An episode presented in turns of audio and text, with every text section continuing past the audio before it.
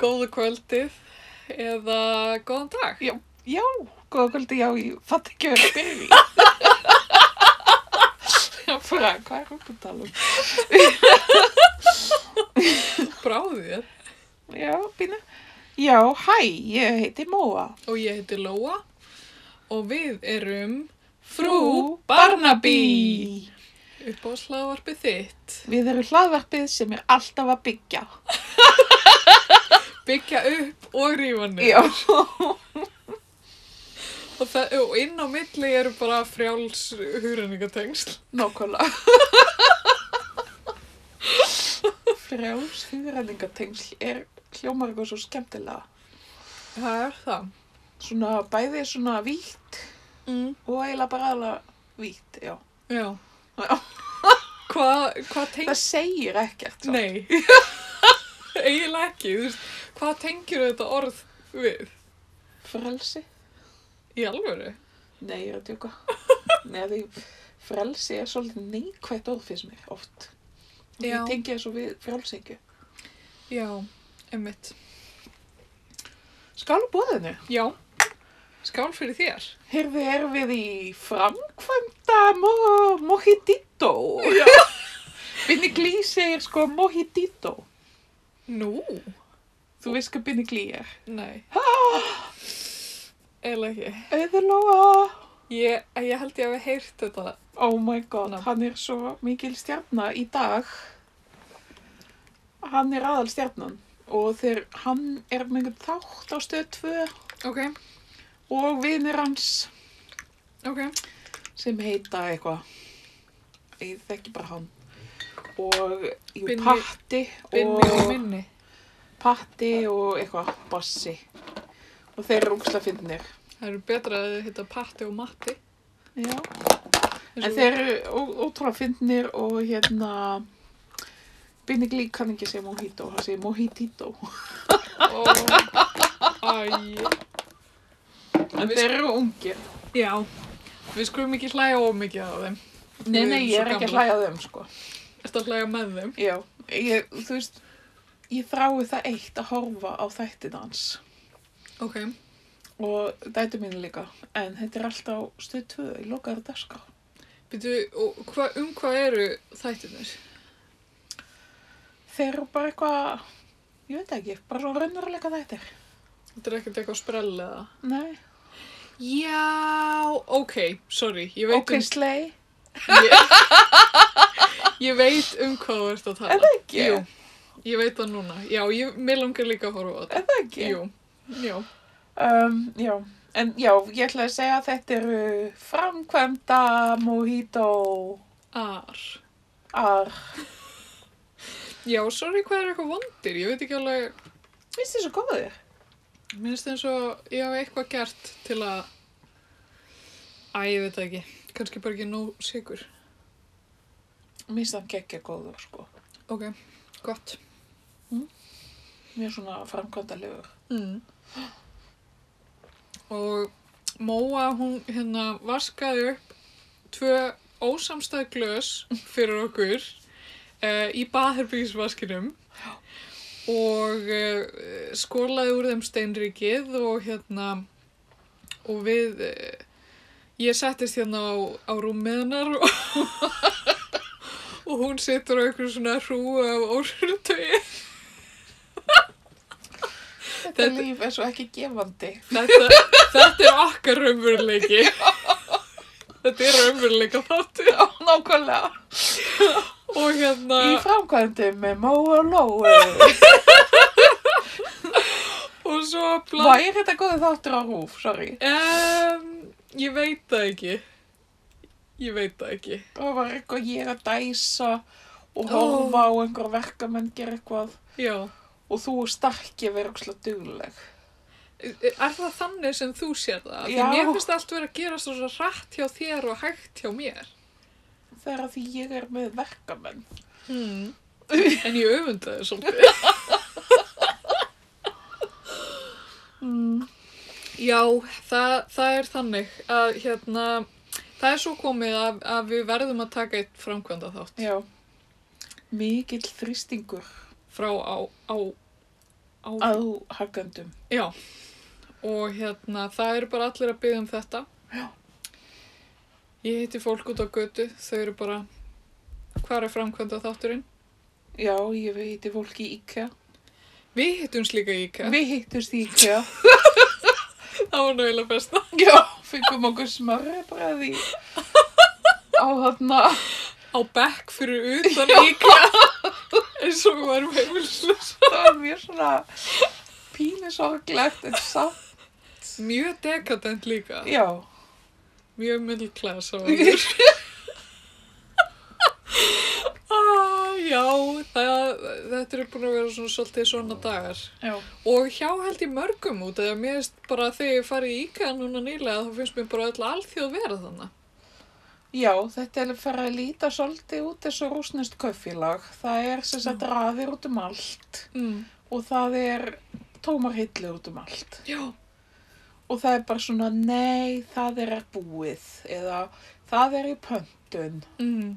Það er svona svolítið veruleikin. Já. Já, ég var náttúrulega í sakleysi mínu að skoða vörur sem að við höfum sérstakann áhuga á, ég og þú, gardínur. Ekki mikið úrvala þeim. Nei, í pöntun kannski. Í pöntun, já. Já. Engin leið að vita hvena pöntunin kæmi líka, mér finnst það Nei. svolítið fyndið. Varstu kannski að skoða vitsjó þarna gardinstanginnar? Þannig að með- þess að með seglunum. Já, ég veit það Nei. ekki. Um, ég var að skoða einhverja gardínur sem voru með svona seglum í. Ó, ok. Mér finnst það svolítið flott. Mm.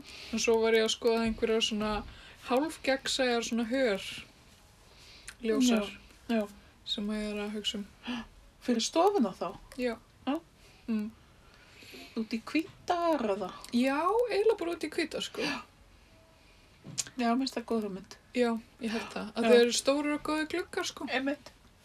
Og var ég að hugsa að, að hafa eitthvað sem að hleypi byrtun inn og svona. Ég hins vegar komst að því að mamma er ekki búin að henda gardínunum sem ég var með í herbygginu mínu því ég var 16. Vá. Og hvernig eru þær? Það eru ljósbláar með fyriröldum Ok. Nice. og það er ennþá til. Ok. Ertu að bjóða mér það? Nei, nei, nei, nei, nei, það eru að fara í nótkun. Ok. Hvert? Það, ég veit það ekki. En það, það segir sig að það borgar sig að geyma alla gattínur. Mamma mín væri ekki sammála þessu. Er það sem þú ert að ekki? segja. Er hún ekki gattínukona? Sko, ég man bara alltaf eftir einhverju sögu sem hún var að segja. Hún er sko ekki svona keeper, eða þú veist, hún geymir ekki. Það er svo góða kostur. Já, ég veit að ég dáist að þessu, en þetta gengur í, þú veist, þetta gengur í ættir sem sagt amma, hún geymdi alveg geðveiksla mikið að dóti. Og hérna, mamma losa sig við allt. Já. Og svo sanga ég að mér svona geðislega miklu dóti.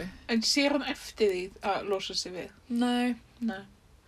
En hún var einhvern tímann að segja mér frá einhverju konu sem hún þekkir sem að hérna sem geymdi all, eða þú veist, hend aldrei fötum og svo leis. Já.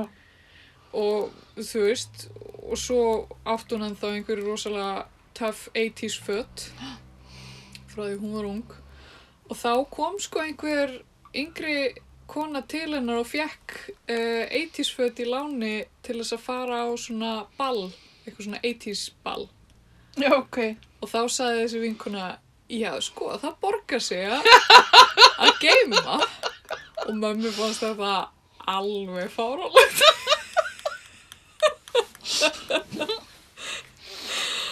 Ah, En segir mér, Rauður, hvað ert þú að brasa svona í framkvæmdum? já, það er vonað og spyrjir. Mest lítið, sko. Oh, ég, eins og fram hefur komið, þá er ég og starkaður að flytja og við keiftum okkur íbúð á Háaleitsbraut uh, og sem sagt uh, keiftum okkur dánabú Já. ekki með húsgögnum, fólk spyr stundum að þessu. En hérna, ehm, þetta var svona svolítið, um, þetta er si- eh, svona 60s blokk já. og hérna allt upprunalegt. Mm -hmm. Uh, mér langar að segja að ljósakrónar hafi ef til vill verið upprunalega líka. Já, ok, vá. Það er svolítið magnað. Ekki á góðan hátt samt. Nei, nei. Og hérna, það var hérna upprunalega innrétting sem var svona, þetta er aldrei mikið lúin Já, uh, á eld, í eldhúsinu og baðherbyggi var komið á tíma líka og uh, þannig að við keiftum okkur risastórt verkefni uh, sem að við erum að reyna að kljást við núna ok. að gera upp og hérna þannig að uh, við erum að fæ- við erum að færa eldhúsið yfir í borðstofuna Mm, sem er í sama rými og stofan mm, Og svo erum við að gera upp baðherbyggið. Uh, við erum að skipta um öll gólvefni, mála allt. Uh, já, þetta hljómar rosalega straightforward þegar ég segja. Þetta er alveg rosalega stort verkefni. Já, þetta er svolítið mikið. Já, Svolítið mikið af ákvörðunum sko, sem þurft að taka. Og þegar þarf að hugsa um sko, hvernig á þetta að vera í eldhúsinu, baðherbygginu og hvað á að vera á gólfunum og hvernig á þetta að vera á litin Já. skilur að maður hefur ekkert að halda sér í út af því að var ekkert annað sem að var eiginlega gott nei, ég meint. eiginlega eina sem við erum ekkert að gera með eru sko hurðirnar Mm, í raun og veru já. og herbyggjaskipan með rúmuna Já, þið breytti nú einu herbyggi. Jú, já og við tókum niður eitt vegg, Já. það er rétt. Og hérna, við heldum tveim svona uh, innbyggum skápum sem eru mjög flottir, eða þrejum, segi ég. En hérna, en það voru sem sagt mjög margar ákvarðanir sem að þurfti að taka og þú veist, við vorum ekkert að vinna þetta alveg frá grunni, þannig að En við fengum íbúðuna á frekar lágu verði, þannig að við gátum, þú veist, höfðum alveg smá ráðrúm til þess að leika okkur með þetta Mm og hérna við lítum flota sem er eitthvað sem að ég hef ekki látið gera áður Já, þetta er vist alveg málið í dag. já, f- það er allir að Allir gera að flót. allir að gera þetta og ég þar á meðal og bara rosa happy með þetta Mm. þú veist eiginlega að koma og sjá flota á En- gólfi En þú ert ekki með hít í gólfunum. Það er eitthvað líka nýtt. heyrðu nei, þetta er skemmtilegt að þú skuld, eh, skildir spyrjum þetta Nú, Út af því að það var eiginlega planið, sko, að, af því að allir eru að gera það. Og hérna, það eru mjög gamlir ofnar í íbúðinni. já, En hérna, en það er sem sagt eh, ekki mælt með því að maður seti hita í golf ef maður býr í fjölbíli. já, ok. Ég reyndar, ég get einhvern veginn skilið það. Mm. Ég, mér fannst það einhvern veginn ekki fristandi að gera það hér. Nei, þetta er eitthvað með sko píparinn okkar eiginlega bannað okkur að gera þetta út af því að hiti sem sagt leita niður eða þú veist, hi- eða golfhiti þar að segja Já, uh, gerur einhvern veginn óbærilegt í kannski íbúðinni fyrir neðan, já, ok. mögulega. Já, hann er gott að vita þetta. Já, og hann sagðist vita um hérna nokkur tilvik, eða þú veist, eitthvað tilvik þar sem að fólk hefði bara reynilega þurft að rífa þetta úr Wow. og bara lagsóknir og læti, sko. Þannig að, eh, já, þið vitið það núna. Já, já, ég fegin að ég fór ekki þá leið þá. Mm. Yes. Mm. En hérna, en þú ert líka í framkvæmdum, hef ég tekið Ég eftir. byrja einn spurning með opnana. Já. Þið ætla að halda þeim, eða ekki? Uh, sko, það var planið. Uh, við þurftum að skipta út einum. En svo er þetta búið aðeins að axla- axlast þannig að við erum búin að vera mikið að vinna þarna og hangsa þarna og svo hef ég fundið fyrir því nokkur sinnum að mér hefur svolítið kallt. Já. Þannig uh, það leitt okkur eiginlega þá leið að við erum að skipta um óknarna líka. Já, ég reyndar sko, ég var að spá í því, Já, sko, af því að þeir eru það gamlir, en svona þér að segja þá er ekkit endilega dýrt að fá betra opna. Þú veist, það er jafnvel eftir að kaupa notaða, sko. já, einmitt. Ég fekk notaða svona opna. hérna hóluna, já, bara mjög fínir sko. já, En allavega, og ekkert mála mála þá og eitthvað svona. já, ok. Ég hef það hugfast. Já, ég hef reynd að hugsa að það er svolítið synd með svona nýja ofna að þeir eru oft einhvern veginn þannig svona emuleraðar að maður er ekkert mikið að mála þá. Fólk kvartar rosa mikið yfir sem er pottofnana að það sé svo leiðilegt að mála þá. Geðslega leðilegt. Það er geðleilegt en svo er það svo gaman að því að þeir eru eins á litin og vekkurinn. Já, já. Ég ætla ekki að láta mála ofnana. Ok, Uh, já. Ég er líka í framkvæmd. já, ég veit það. Það er svo gaman. Já, hvernig, eh, hvernig kom þetta, hvernig kom þetta til? Við erum að byrja þar. Já, sko, þetta er mjög löng saga. Nei, djók. En, um, sko, við búum í íbúð á taumræðum og á jarðhæðinni, nei, ekki jarðhæð, á hæðinni, Mm. hæðuris og á hæðinni er, sem sagt, eldhús, borstofa, önnurstofa og svo herbergi og barbergi. Já. Og þetta er allt svona pínu hólfa niður og sem er bara bannsins tíma. Mjög. Og þetta er hús byggt í kringum, hvað, 44? Mm. Hvort það er ekki bara byggt 44? og hérna, það er sæmlega hátt til lofts á hæðinni, Já. sagði mér eitt smiður. Það var aðeins 10 cm og meira en Ok. Uh, og en ég, við vorum með eldhús sem var ekki gamalt. Mm. Það er cirka, var cirka 10 ára gamalt eldhúsið Mhm. úr IKEA Mm og eftir að hafa búið hérna í hvað, þrjú, fjúr ár, Mhm. þá vorum við að verða vittlaus. Fyrsta lagi hvað þetta er eitthvað lokað og svo líka hvað eldhúsið var lítið. Já. Þannig að þú veist, ef voru tvö í eldhúsinu þá Bara Var- ólíft. Já, það var annar fyrir hinnum Mm og svo þú veist, Kannast við þetta. við skulum ekki eins og minnast á það ef stelpunna voru eitthvað þjálfst fyrir. Mm -hmm. Hvað er þetta? Og jólin, sem sagt, Mm -hmm. ekki þessi jól, heldur jólin 2019, þá segi ég verðna, þetta er síðustu jólin sem ég elda í þessu eldhúsi. Mhm. Og að því ég bara, þetta var ömulegt, það, þú veist, eitthvað rækjukoktilinn, varnin, þú veist, Já. ofan á laufabröðinni að þetta, var, þú veist, í rugglinni eða eitthvað. og ok, og svo, þú veist, kemur heimsvaraldur og eitthvað svona. Jú, jú. Og við erum svo sem ekkert að spá í þessu. Mm -hmm.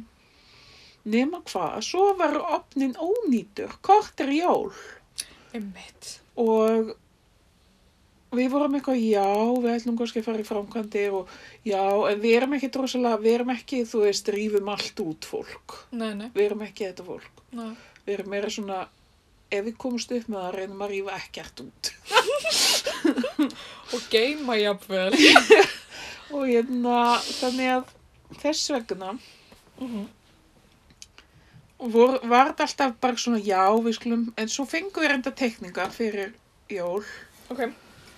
Og svo vorum við svona, já, við ættum kannski að fara, nei, við getum ekki gert það fyrir jól og eitthvað. Og svo var opnin og nýtur. Mhm. Nú hvað þá?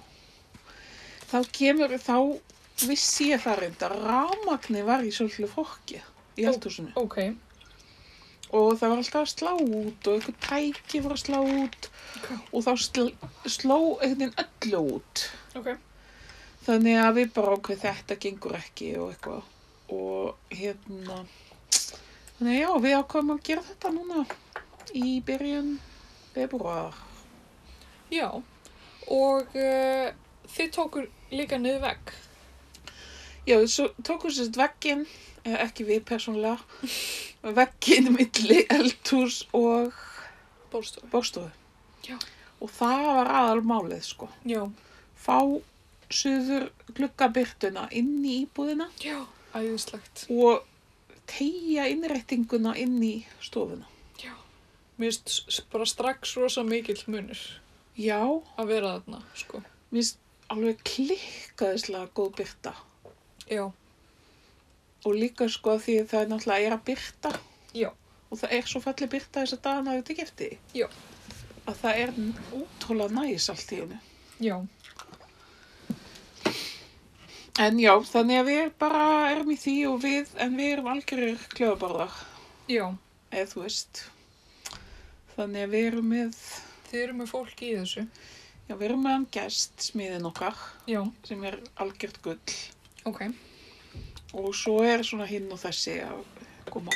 Já. Og rafvirkjar eru mjög dýrir, Já. getur sagt þér. Mm. Þú er kannski reysla því. Nei, reyndar ekki, að því að við búum svo vel að þekkja rafvirkja. Hold nú upp. Já. Heppin. Já. Því þetta er alveg svakalegt. Já. Þetta er magnað. En þú veist, svona náttúrulega vera rafvagnir líka bara, í- já, eiginlega bara hættulegt. Já, já. Það er ekki hægt að... En byrju, hvernig var, það kom í ljós hvernig rafmagnið... eh, Já, hvernig- sko, það var eitthvað svona aðal, aðal línan, rafmagslínan, Já. sem fer, fer í opnin og hellunar og eitthvað. Já. Var í einhverjum plaststokki í gangveginu minn í eldhúsi. Já.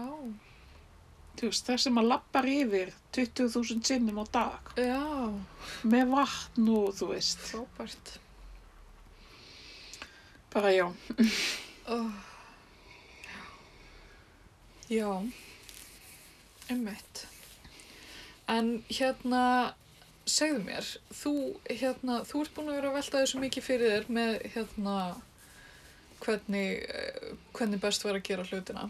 Og, og þú, hérna, hann Arnar er ekkert mikið að taka þátt í þessum umræðum. Og nú veit ég að hann er að hlusta. Jú, sko, hann er alltaf til í að taka þátt. En já, ég skulle segja að ég hafi unnið forvinnina að mestu. Já, Og svo svona segir hann bara eitthvað já. Ég, ég er yfirleitt sammála, sko. Þú Mhm. veist, við viljum hafa ljósa innréttingu. ok, Ekki svona að því það er svo dögt er svo mikið í tísku. já. Og þú veist, við erum sæmilega sammála um litina. Mm og svona. Já. En þú veist, ég fatta ekki ári fór út í þetta. Hvað, þetta er geðsjúkt mikið ákvörðunum. Já, Þú veist, þegar ég fór að pa- kaupa parkettið, þá Já. hafði ég aldrei hugsað um parkett. mm. Ég hafði bara aldrei hugsað um parkett. Það er hægt að hugsa um parkett í marga, marga daga og vikur. já, já, Og þú veist, harparkett, viðarparkett, korkparkett. korparkett, svo er vermunurinn.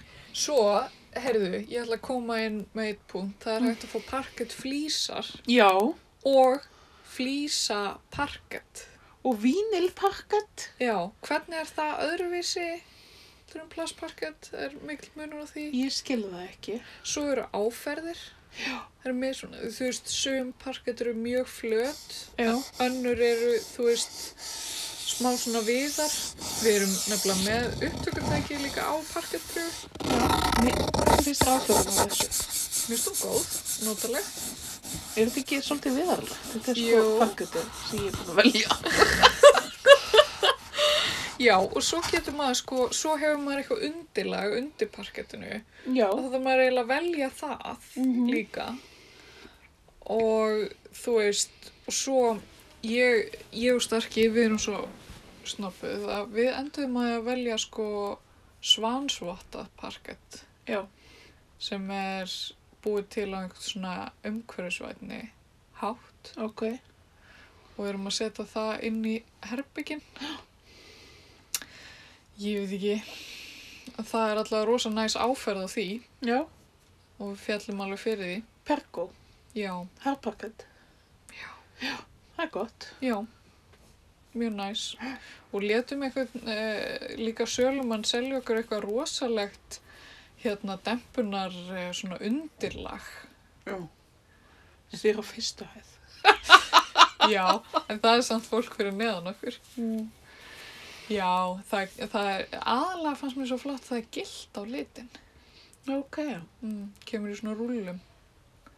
Já, það komur svolítið í ljós, sko, ég er svolítið glískjötnið mitt. Já, kom það í ljós fyrst þá. E, algjörlega.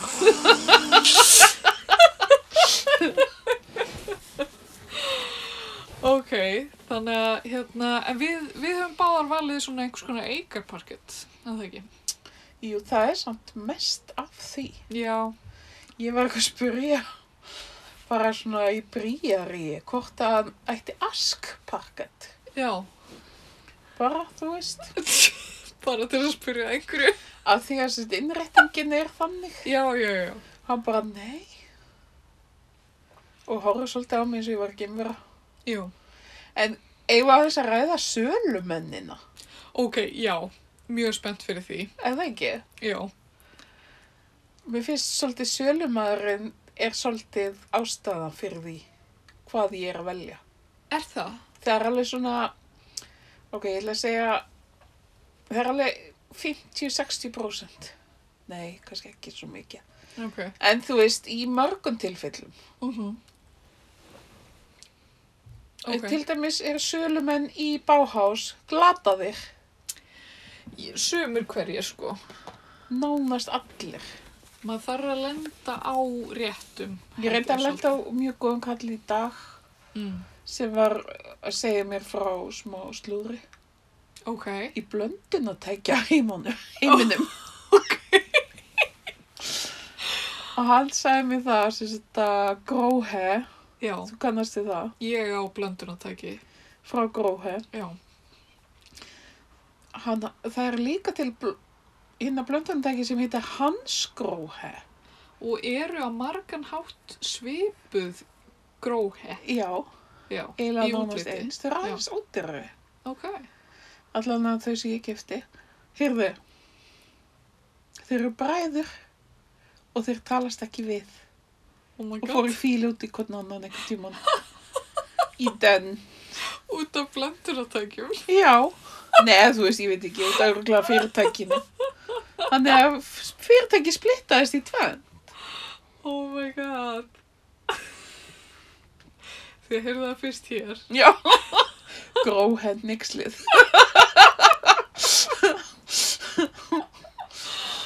Ah, Heyrðu, annað breaking news. já, Við fórum náttúrulega í IKEA um daginn. já, Heyrðu, haldið ekki að maður geti kaupt ansjósur í IKEA?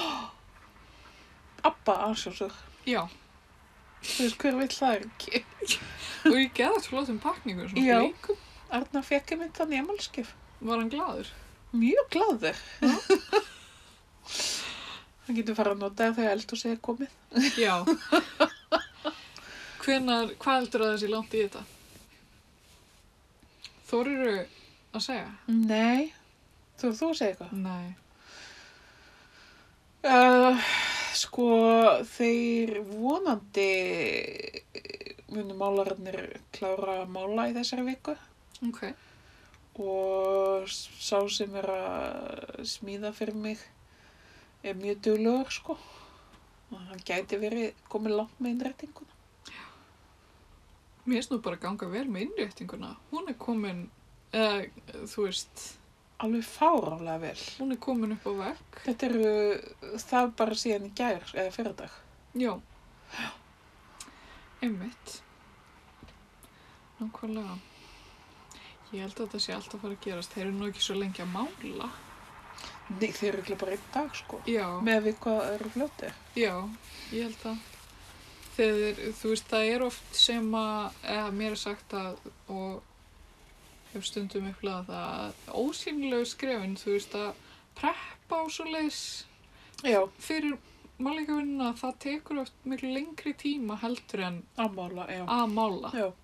þú veist, maður þarf að velja málinguna, kaupa málinguna, maður þarf að spasla, maður þarf að grunna, maður þarf að gera svona og hitt og eitthvað. Og skera Já. með framklukkunum og eitthvað svona. En svo þegar kemur að ég að mála, þá tekur það mjög stund. Nei, mitt. Ekki nema að maður ætlar að mála gullt. Gullt. Já, Varum? ég var að mála eða var að láta pappa minn mála eldhúsið heim hjá mér. Já, gullt. Já.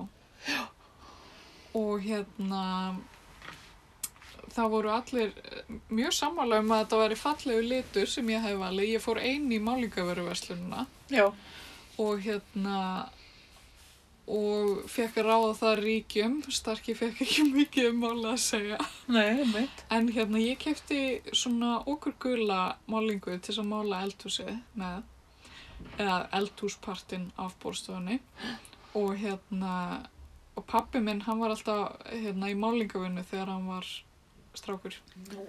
Já, eh, það var eitthvað eh, hljóð sem kom. Já, afsaki hlýja. Já. Um, hvernig segir maður afsaki hlýja? Ég veit það ekki. En við erum allavega komnar aftur.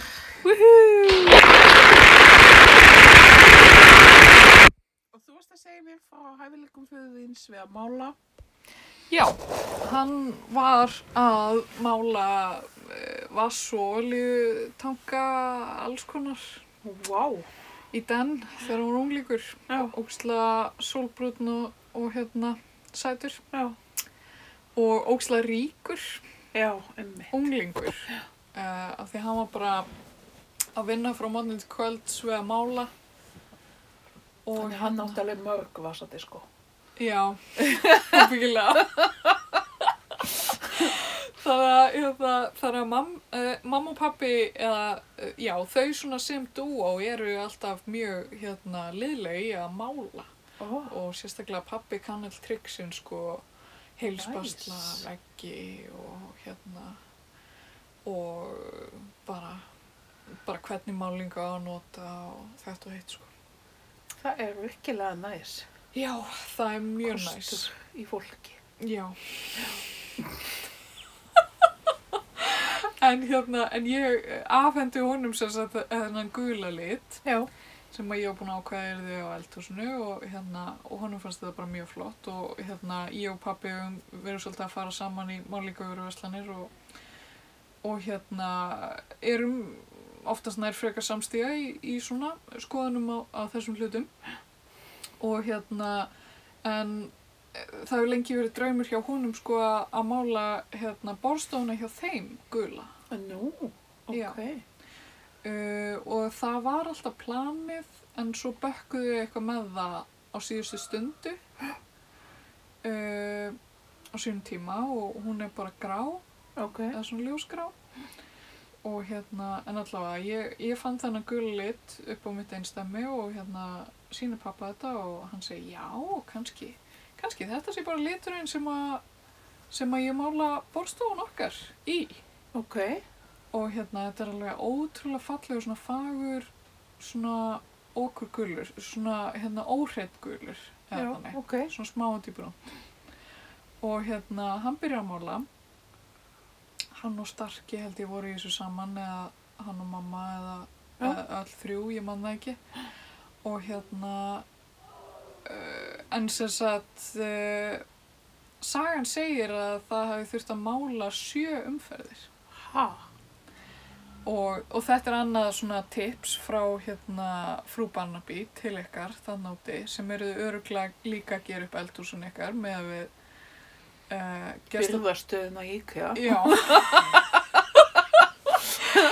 Þannig að hérna, ef, ef, þú veist, og ég hefði svo sem geta sagt sjálfur mér þetta, en ef þú velur málingu sem er uh, gul, blá eða rauð, uh, og þá er ég að tala um litina sem eru næst grunnlitunum, þið sem hafið lært litafræði, að hérna, það eru litir sem eru blandaðir í glæran beis. Ó. Þannig að málinga blöndu þannig að það er einhver máling í fötu sem að svo lita efnin fara onni og það er þetta sem þeir gera í málingavöru búðinni Já, já, já. og svo hrista þeir hana Emmitt. og það er það sem er Þetta þannig að gula er bara glær. Já, gula þá taka þeir, þú veist, málingafötu sem er bara glærmáling eh, Er til glær málning? já, þú veist, til þess að blanda litarefnum í Já, og svo, ok. Svo blanda þeir, þú veist, gulum og kannski smá einhverjum öðrum litarefnum út í glær, glærlitin Mhm. og hrista hann svo og svo byrja pappi að mála vegginn og þá sést náttúrulega allt í gegn Oh my god. þannig það það bara að mála endalausar umferðir og ég, hérna, ég og Starki reyndar lendum líka í þessu í hérna sömar þegar vorum að gera nýju sýninguna í Söðanishúsi að hérna þá völdum við einhvern vínröðan lit Já. og það er mitt var bara sama upp á teiningnum þar Vá, ekki vissi ég þetta. Nei, en þannig að þið, eh, eh, þú veist, ég veit að þú ert ekki með neitt svona lit út af því að við veldum saman litina sem við hefum með þér. það, það má fylgja sögunni að auðlóa er svona helsti ráðgjafi minn í öllu. Hvort það er blöndinatæki, Já, lítir. ég get haft skoðan á öllu. Já, mér finnst það rosalega góða kostur hjá þér. Þú hefur eitthvað svo sterkar og góða skoðanir. Já, nennur að segja starka þetta. Mér finnst þannig ekki alltaf kunna að meta það. Nei, umveit, já. En ég kann að meta það. Já, og hérna, ég hef stundum verið að segja fólki að hérna, ég og Móa sem að gera upp eldhús saman.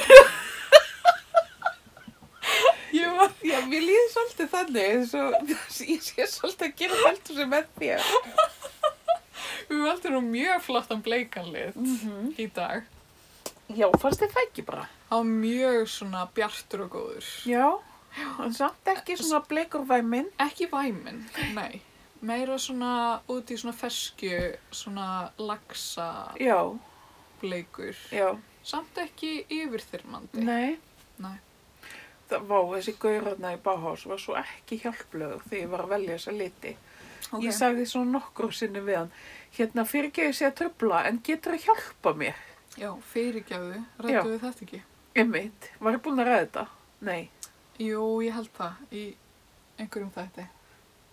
Æ, ég man það ekki. Nei, alla. allan, svo kemur hann og, ég seg, og þú sagði við mig að ég ætti að spyrja svona blokk og þá horfur hann svona á mig, svona mjög lífsleiður bara svona, oh, já Já, svo leðilegt. Þeir eru með, þú veist, litapröðunar úti á ganginum. já, En þú þarf að byggja sérstaklega um að sjá litablokkina. Já, Eða, þú og- veist, og- með öllum litum. svo hafði hann mjög miklu ráðgjur að ég myndi taka blokkina með mér þá var alltaf bara þú mátt taka þetta en ekki þetta Ok, sagði svona sjösinnum ok. Guð, svo var svo ógæslega fyndið ég lendi í það er svona, hefur, þú hefur náttúrulega farið í Bauhaus Já. og það er svona takkar sem maður ítir á til þess að fá þjónust þjónustu. já ég var eitthvað svona eldri maður Nei, býtu, fyrir ekki að hvernig lagið. Bim, bim, biririri. svona, já, eitthvað svona bara við, þú veist, aðstóð kemur eftir augnablik eða Já. eitthvað Aðstóð óskast í málingavörudegi.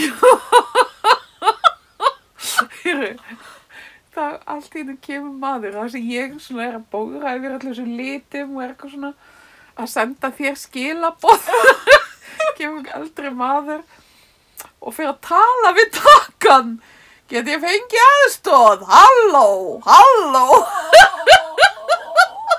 og ég fæði alltaf látuskast og hann er bara hvað, er ég að gera eitthvað vittlust Ó. ég bara, og ég get ekki hægt að hlæja og segja eitthvað, og ég get- viltu ekki íta takkan, ha, hvað, hvað, var ég ekki að gera þetta rétt? Ó, það, það er mjög fyndið.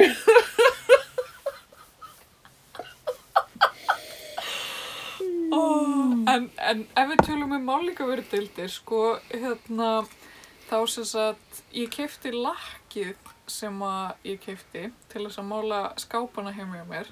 Eru, vá, þessi skápur, eftir að spá ég fara með hann á listasafn Íslands eða? Já, Þú veist, þetta er svolítið mikil metnaður. þetta verður aldrei rifið út. Þú veist hvað eru, 17 tónar eða? Það eru þrý. Já, Já, ég, hérna, örsaga um hennar skáp, sko. já, er að hérna, það er innbyggðskápur inn á baðherbyggi he eh, heima hjá mér á nýja heimilinu mínu og hérna og hann er hann var dálítið sjúskaður en við ákváðum að halda honum já, og byggðum hérna hönnun á nýja baðherbygginu svolítið út frá þessum skáp. Ok. Eh, og ég var búin að ákveða að hann yrði í uppáhaldslitnum mínum, bláum, Já. eh, en að öðru leiti hvítur og hann væri blár inni. Eh, en svo axlaðist það líka einhvern veginn þannig að við áttum svolítinn afgang af einhverjum þriðja, já ég held reyndar að ég sé með fjögur mismunandi blálökk í gangi í þessari íbúð. Ok. Mamma sagði um um daginn, auður þú þarfst að skrifa þetta niður. Það er eitthvað sem ömmur segja. Þú Já. þarft að skrifa þetta niður og ömmur líka. Já, og svo er ég tossi, þannig að ég á ábygglega ekki eftir að skrifa þetta niður Nei. og svo á ég eftir að vera bara eitthvað einhvern tímann setna bara "Ah, mamma sagði mér að skrifa þetta niður. Já, típist, já. En allavega, þannig að eh, þannig að skápurinn er það er einn blár litur sem er inn í skápnum, Mm. annar blár litur sem er utan á skáphurðunum og svo að öðru leiti er hann hvítur. Ok. Og svo hérna gerðum við nýjar höldur, við gerum bara svona gat Já. í skáphörðanar. Það voru svona einhverja rosa svona mikið 60s Ok. höldur. Já, þannig því bara tói, já, næs. Mm Mhm, Já. Það er líka bara svona svolítið estetist, eða Mhm. mm flott, Já. finnst mér sko. Já, og hérna, mér langar að fylgi sögunni líka að gamli maðurinn sem átti íbúðina á undan okkur, hann reykti inni. Ó. Þannig bara, þú veist, út að ég lendi einu sinni í því þegar við byggum á kleppsöginum að hérna, við þurftum að gera upp eldhúsið, ég veit ekki hvort ég er búin að segja þess að sögu áður í frú Barnaby, Já, mm, ég veit það ekki. veit það ekki, en allavega þá er sko, eh, þú veist, svona gömulunrétting þar og það var búið að vera leki greinlega í mörg ár Já. og silfurskottur og bara allt og þá var uh, eldavél þar sem að var sko eldri en húsið Já, Rafa. Já, og hérna, og ég var, að hugsa, ég var alltaf að reyna, þú veist, byggja nýju IKEA-innréttinguna út frá þessari rafavél, svo var ég bara eitthvað, æ, þetta er samt fáranlegt, hvað hún bílar á morgun, Einmitt. skilur þau, það er ekkert hægt að gera það. Ok, þannig að við kaupum nýtt og hérna, áður en við gerum það, þá hérna set ég gamla eldavélina á gefins. Og hérna er bara eitthvað, heyrðu, þessi gamla flotta eldavél er gefins og bara fær, fæst gefins og gott heimili Uh -huh. og eitthvað svona og og ég var náttúrulega búin að vera að grænja út af þessari gömlu innréttingu því að hún var geðveikt flott Já. og hérna og bara ótrúlega notaleg og náttúrulega sérsniðin inn í rýmið og allt það Já, já, og eina af ástæðunum fyrir við keiftum þá íbúð til að byrja með en hérna svo var bara eitthvað bara eitthvað fullt af einhverju fólki á internetinu sem var að hella sér yfir mig og bara eitthvað ég ætla nú rétt að vona að þú sért ekki að rífa allt út úr Oh. þessu gamla fallega eldhúsi og ég bara eitthvað ó, hvers á ég að gera já. Oh. En þú veist, af hverju, hvað er það sem kemur, þú veist, fólki til þess að vera að kommenta á einhver svona saglausan post já, um, þú veist, það sem fólk er bara að gera við lífsitt, skilur þau, þú veist, og að vera með eitthvað svona tuð, ég skil það ekki. Já, mér finnst þetta frekar óþúlandi og þetta hefur látið mig aðeins endurhugsa hvernig ég hugsa um annað fólk. Og því að maður veit ekkert alltaf hvað er að baki. Nákvæmlega, Og eins og þetta lið vissi ekkert að þetta var allt gröyt miklað og ógeðslegt. einmitt. Fullt af silfurskottum. En einmitt, og hérna, hvað ætla ég að segja, eins og sko, æ, þú veist, maður hefur oft hi- lesið svona internetdrama Já. og þú veist, oft er ég að skoða hann að skreitum húsíðina og það er, Úff, ég verð að vera reynskilið, mér finnst stundum margt á sér síðu, alveg fokking glatað Já, já, já, já. þú veist, það er einhver sem tekur eitthvað sæmilegt eldhús Já, og gera það ógeðslega ljótt. og gerir það hvít og grátt Já, eða grátt og svart já. eða, Eða svart og svart. já og svo er það bara before and after eða eitthvað og ég er alveg bara að byrja hvað, já, ó, e, já, ó, er þetta eftir Já. oh. og þú veist, en ég er samt aldrei svona bara, ég er aldrei, það er ekkert í mínum bara sem fær mig til þess að segja hvað er að þér? Nei, Þú tókst sálina, kramdir hana og málaðir svart yfir.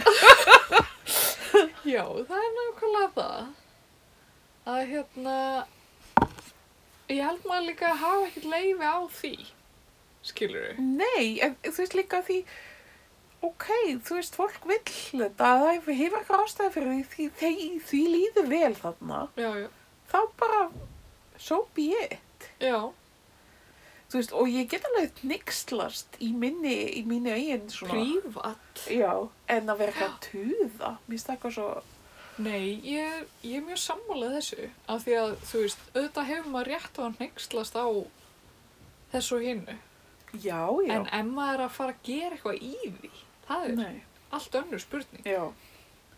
Við segja sko á latinu, coloribus et, et eitthvað, gustibus non disputantum est.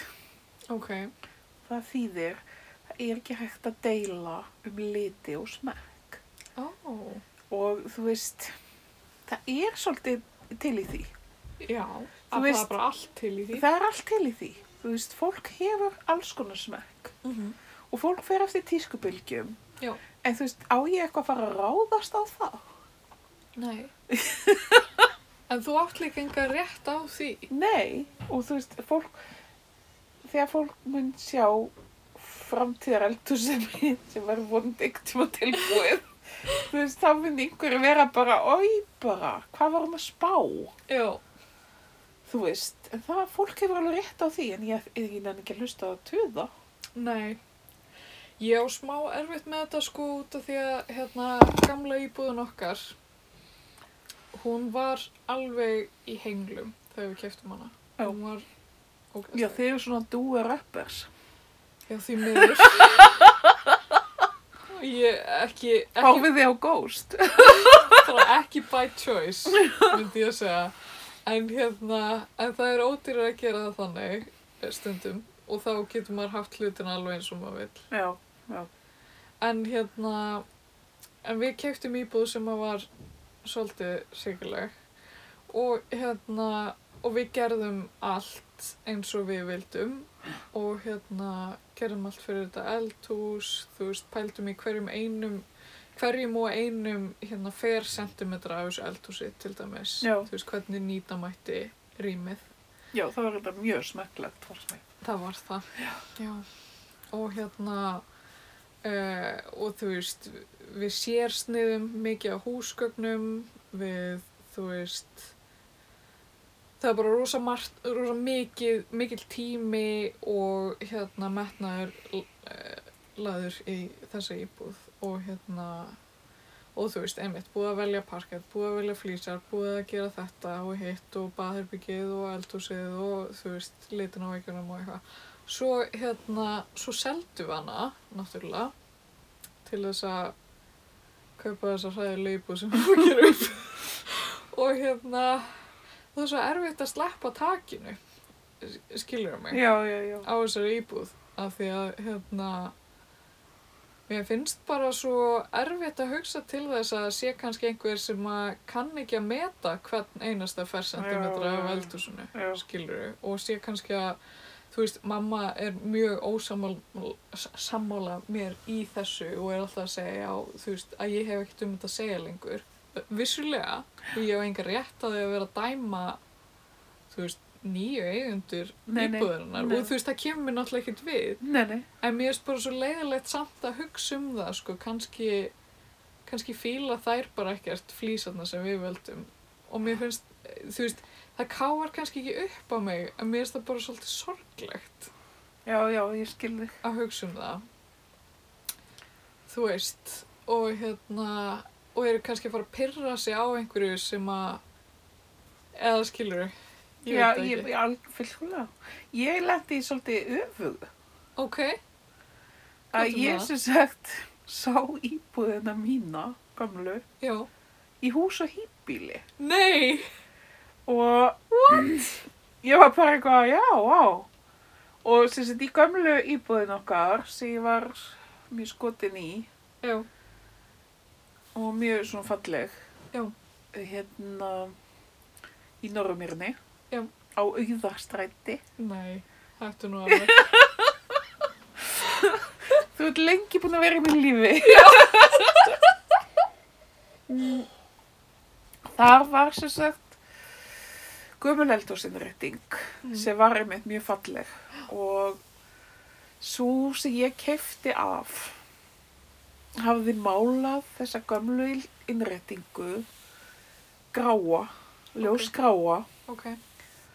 og sett svona stálhöldur Ok, svipar og voru, er, voru á gamlu innræktingunni hérna niðri já. og svona, svona svolítið mótern einhvern veginn 90s, smá. Nei, Já. já. ok, sorry, ég mann. Hvernig Og- það voru? þú veist þetta var ekkert ljótt en þetta fór ekki þessari innræktingu Nei. skilur því þetta er 50s innrækting Svo, og le þetta er 40s örgla svo leiðilegt að fólk skilur ekki sálina í hlutum. já, einmitt og það var mér sér Rafa Eldavel Uh, þessi tíu ár sem við áttum íbúðina og Rafa Eldavelin ég elskaði hana mm. Hún gaf mér aflost í lokin og hún fór á rusla haugana. hún var hæði, eða þú veist, hún endaði, já, en hún, þú veist, 70 ára líftími eða eitthvað. Já. Fáránlegt. Fáránlegu líftími á sér tæki, sko. Já, nákvæmlega. Nema hvað að ég tók það einu sinni upp á mig að ég ákvað eina helgina að mála blakka innrættinguna, hvíta, Ok, alveg hvíta og hérna og svo keifti ég höldur í Brynju já, fyrir tugi þúsunda. ok. Sko, ég fattaði það ekki. Þú veist, þegar maður er að hor- ta- setur, tekur einu höld og stendur eitthvað lágt verð já. og maður bara, já, ég get nálega keft slatta þessu. En þú veist, það voru pínu litlar skúfur og Já, svo voru það stærri skúfur.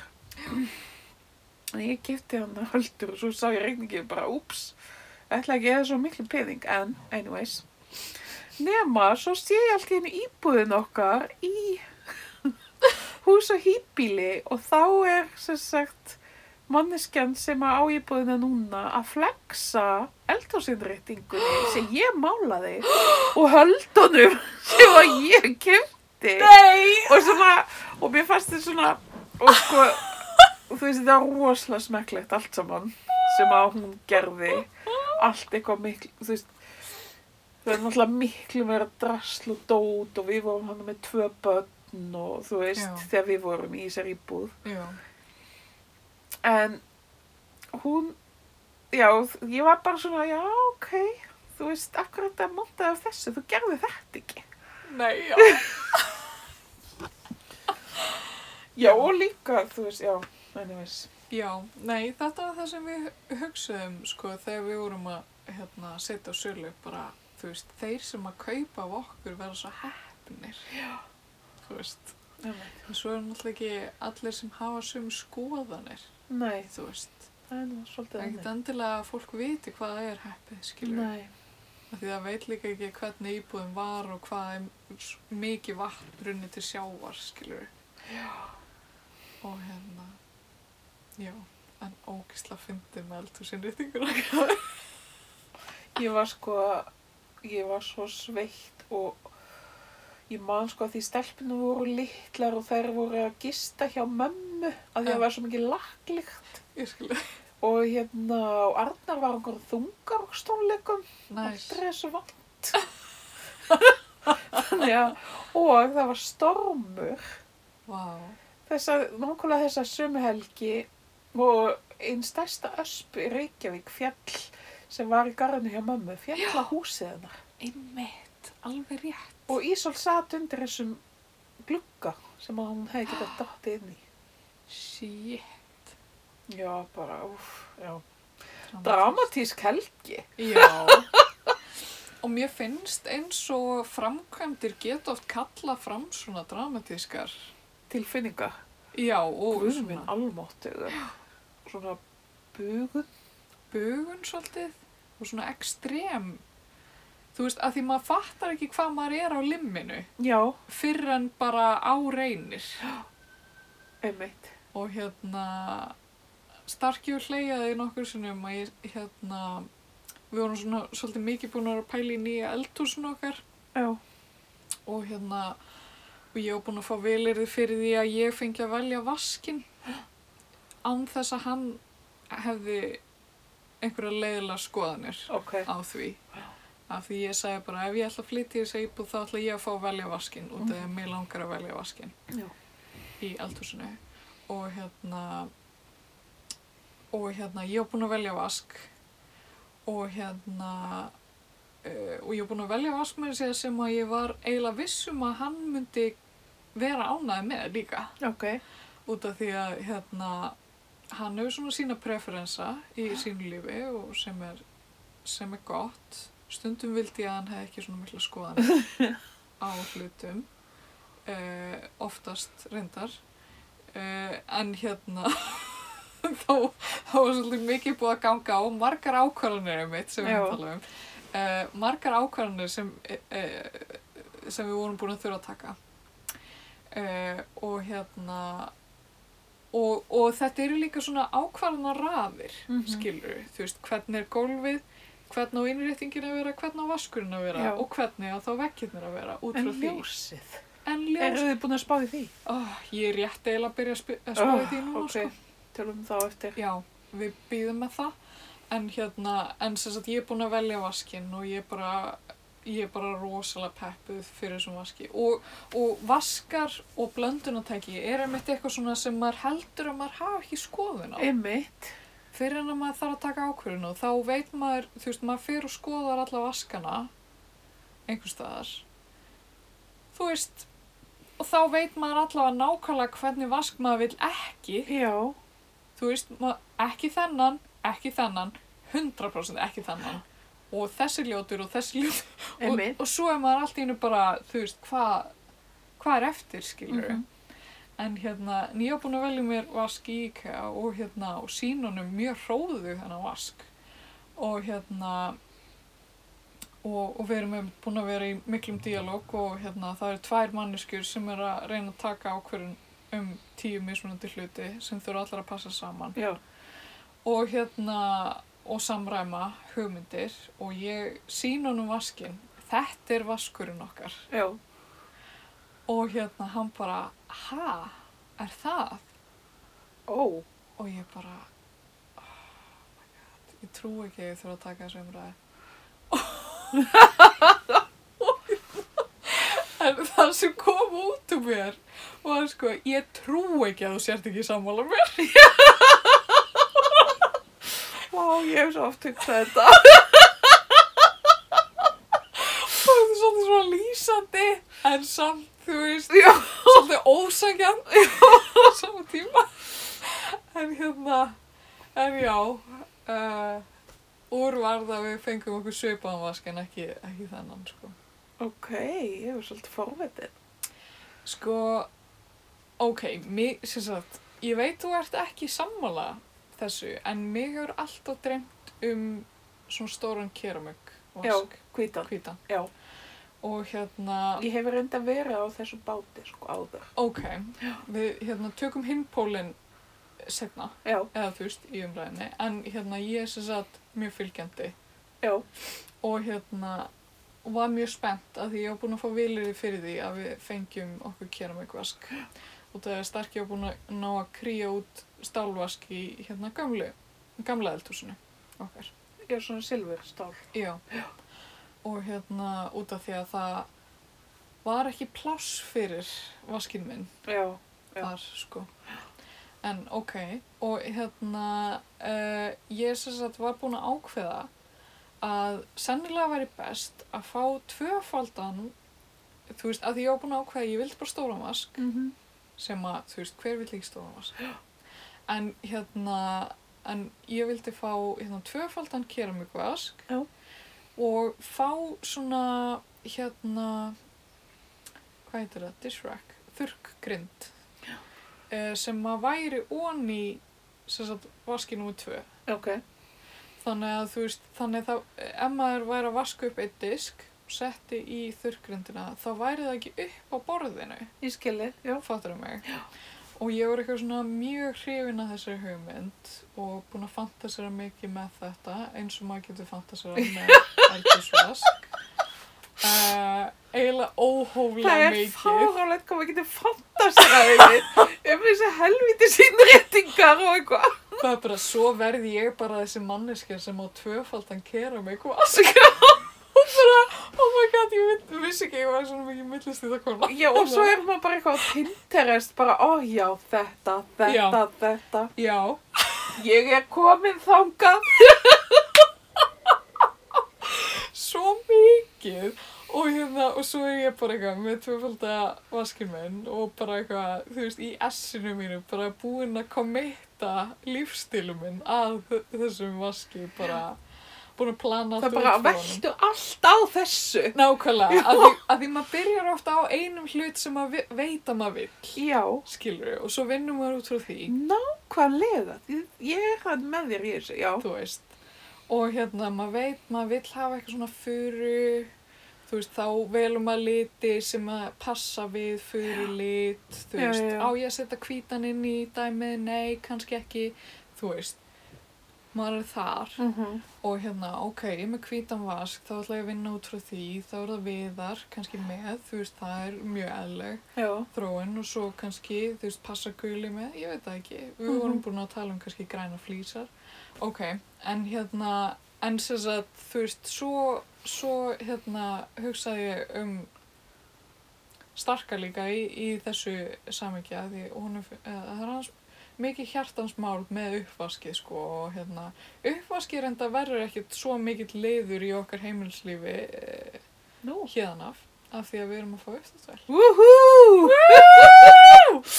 Middle-aged!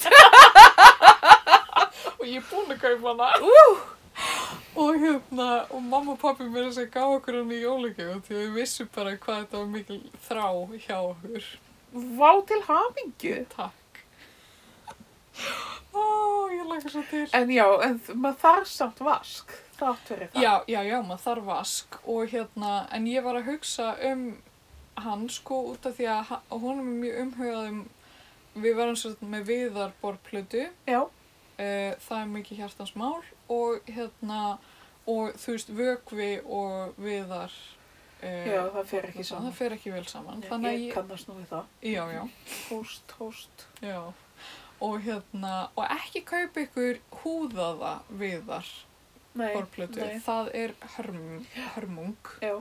hérna rosalega leðilegt með raka Já. og þannig borplötur ömulegt, hérna við vorum rosa sveikin af því allavega í gamla eldursun okkar fannst mér uh, hún er rosa falleg samt uh, svo sem við völdum þar en hérna rosa leðilegt með rakan og hérna af því spótn einhvern veginn dregur í sig Já, já. vökva og þá bara springur einhvern veginn þessi húðun Já, ég skil. Já. Alla, ok, glata. En hérna, anyways, þá var ég að hugsa að þú veist, ef maður þurkar það sem maður er búin að vaska upp og í vaski, þá er engin einhvern veginn, þú veist, þá er vökvinn ekki að koma svo mikið á borðið Einmitt. eitthvað og ég held að hann er rosa glað með það. En Þá fannst hann vaskurinn ekki vera nóg stór til þess að, ég veit ekki hvað hann ætlar að gera í þessum vaski, sko. Ekki nóg stór. Já, þið eru þá tveir, Já, já, já. skilur. Ok. Já. Þannig þið endur á, Uh, einföldum keramikvaski. ok.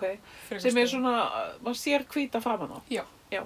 Ok, þá veit ég hvað var skorað. 60 cm Já. breiður. Ég er mitt sko mjög áhugavert auðvitað, mjög áhugavert fyrir fólk sem er í þessum pælingum og ég veit að þið þarna aðdándur sem voru að byggja um frákvæmda þáttinn ég veit að þið er að hugsa vá hvað ég vildi heyra meira um vaska Já, eigum við ekki bara að láta ríða vaður? Já, ég nefnilega ekki sett þér mína vaskasögu Ok, þinn vaskur er svartur, Já, veit ég, og blöndunatæki líka. já, Spennandi. ok, ég veit að þetta er pínur svona tískubóla Ok, En fyrsta lagi, ég er búin að vera með stálvaska eila alltaf ok. og þeir eru óþólandi.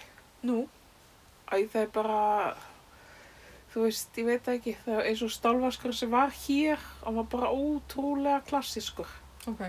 og hann var, þú veist, hann var aldrei hreinn.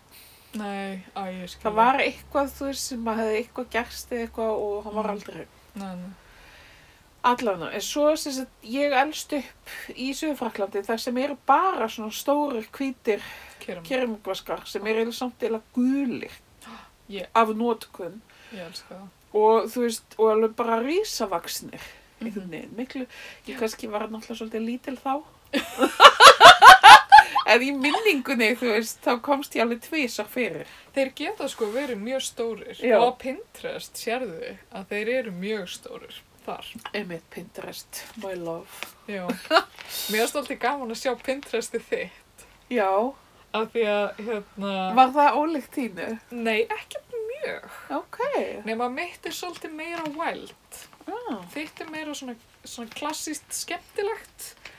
ah, er það settlegt, jésús minn Es, eh, þú veist, ekki settlegt, eh, svona meira svona klassíst en, en skemmtilegt, skilur við, með litum, þú veist, það er ekki grátt og svart og hvítt og eitthvað, en hérna, en mitt, hérna, ég elska svona meira svona 70s, Já, já, 60s, já. Memphis, eitthvað svona klikkað, já, þú varst að benda mér á þetta tveir, þrýr litir, fjórir, fimm litir saman kannski. já, já, Ég er svona svolítið þar stundum, já ærandi svolítið. En já, fyrirgjöðu vaskar. Já. einmitt vaskar ég, sko ég sá og svo sem sagt, mamma kifti íbúð út af vaski tvöföldum keramikvaski og við vorum báðar bara ó já þú var að kaupa þessa íbúð út af þessu vaski og hérna svo einhvern veginn ég veit það ekki, svo bara einhvern veginn fór ég af þeim vagnni bara af því að kannski af því að það er bara erfitt að halda þeim hreinum og Já, já. ég veit það ekki einhvern veginn mamma er mitt með tvöfaldan sko Já. og ég veit það ekki, ég er ekki alveg þar og ég, ég er alveg komin fram, fram úr þessu, þú veist, þessi stálvaskur með svona bretti, þú veist, veist hvað ég við Ó já, hana IKEA, hana... Eins og- Nei, nei já, þú veist, fyrir uppvaska Já, já, já, grindina. ég bara nenni þeim ekki lengur. Nei, ég fýla það ekki heldur. sko. Þannig að ég er komin í einfaldan, Já. kassalaga, vask, Svartan. svart Og hvað er allar að gema uppvaski? verður að sjálfsögt upp vask. Það verður alltaf bara gengið frá hægt og rólega. Já. Eða svona, hvað segir maður? Jamt og þjætt. Einmitt. Nei, en sko það er hægt að, það er hægt að svolítið snetti að það er hægt að fá alls konar svona körfur í IKEA sem Já. maður getur sett í vaskin. Já, það er sniðut. Og reyndar sko út af því að það er svo mikið að gera í IKEA þá er þessi vasköpnur að uppseldu rosalega lengi. Aha. Og ég var svona, þú veist, notify me þegar hann kemur í búðina. Emitt. Þannig að um leið og hann kom, þá kifti ég hann. Ok, Ég kifti hann á ég lá undan öllu. ok.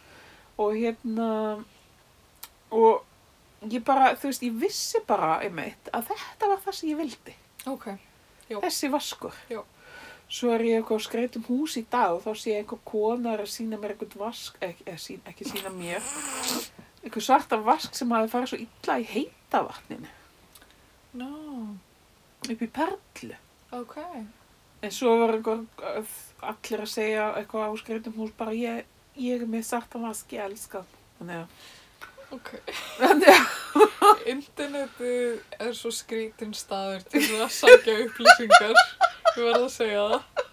ég veit, en allavega svo, en svo var þetta með blönduntekin og þegar við erum að panta innréttinguna og ég var búin að ákveða blönduntekið, þá er þau ekki til Nei, og þá segir hann, en viltu ekki bara fá þessi já, sem er eiginlega alveg eins nema eh, með króm og smá svörtu í. já, og þá er þú líka komin á limmiða því þú ert búin að vera að býða eftir teikningu af eldhúsmiðinu í 16 virka daga. Já. Og ég bara eitthvað, já, ok. Og svo bara erum við ko- komin heim og ég bara eitthvað, vildi ég eitthvað þessi? Já, og, Þú veist, blöndunartæki er ekki að saman blöndunartæki. nei, Þú og veist, svo náttúrulega komið í ljós að hans gróið er bara miklu betri gæði heldur en íkja. já, bara ef allir vissu þetta. Nei, bara ef ekki allir vissu þetta. þetta ja. En já, en það, það er við þetta, ég vissi bara að ég vildi þennan vask. Já, Ég held ég að hann hafi ekki einu svona búið það undir arnar, sko. nei, nei, Jú, ég sagði bara við hann, já, ég ætla að fá þennan vask. ok. Já, ég er mjög ánægð með málinguna sem við höfum valið heima hjá þér. Já, Við vorum nú að því svolítið í dag. Já. einmitt. Og hérna, það er þessi lagsa bleiki. Þú getur, ég, ég skal leggja þetta. Það er svona hvergi hægt að leggja þau frá sér þetta. Þetta Mó- eru nærbuksunar mínar í nærbuksunar hans Arnars. Það er eins gott að ég er búin að vera að gera upp þetta eldurnaður, annars myndum við líða mjög óþægilega. En við erum búin að ganga í gegnum eld og ís, þannig að... Þú veist, við getum alveg skipt okkur.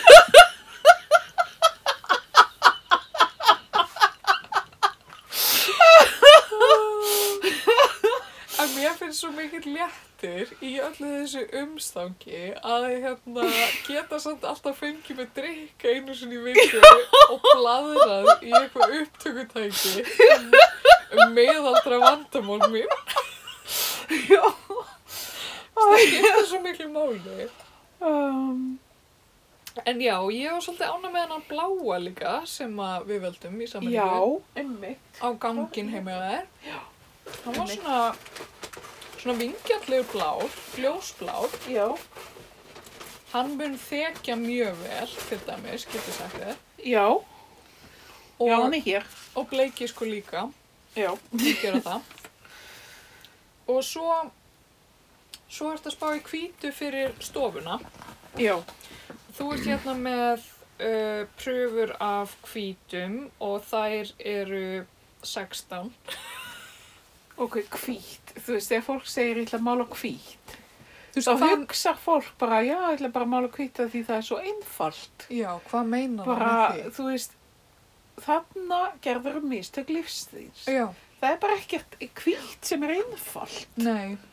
Þú veist, þessu, hvað er þetta? Þetta er auðvitað, er þetta hvítt hvítt? Ég veit ekki. Nei, þetta er eitthvað svona rjómakvitt hérna einni, sko. Já. Þetta er white, þetta er svolítið nálægt þessu white wing. Svo er einna, ég er alveg, sko, ég er, einbar, ég er svona manneska sem fall fyrir nöfnum Já, á málingu. ok. Þess vegna var ég ekki alveg að fíla hana í Bauhaus. Já, þeir heita bara tölum og bókstöfum. Já. Já. og þú veist, einhver, það er náttúrulega málingabúð sem til sérefni. Já. Þá heita allir litindir eftir borgum í París. Ó, Þessi er til dæmis úr sérefni, ég held hann heiti Cannes eða eitthvað. ok. Um, En Hérna eru nokkuð góða nöfn.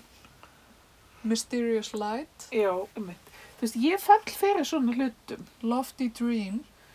Mér finnst til dæmis Raindrop. Já, hvernig, hvernig er þessi Dreamy? Er hann úr fjólublá? Mér finnst Dreamy svolítið fjólblár. Já. var ég að segja, en Raindrops er skemmtilegur af því að hann er, hann á eftir að virka hvítur en samt er hann með svona bláum undutón.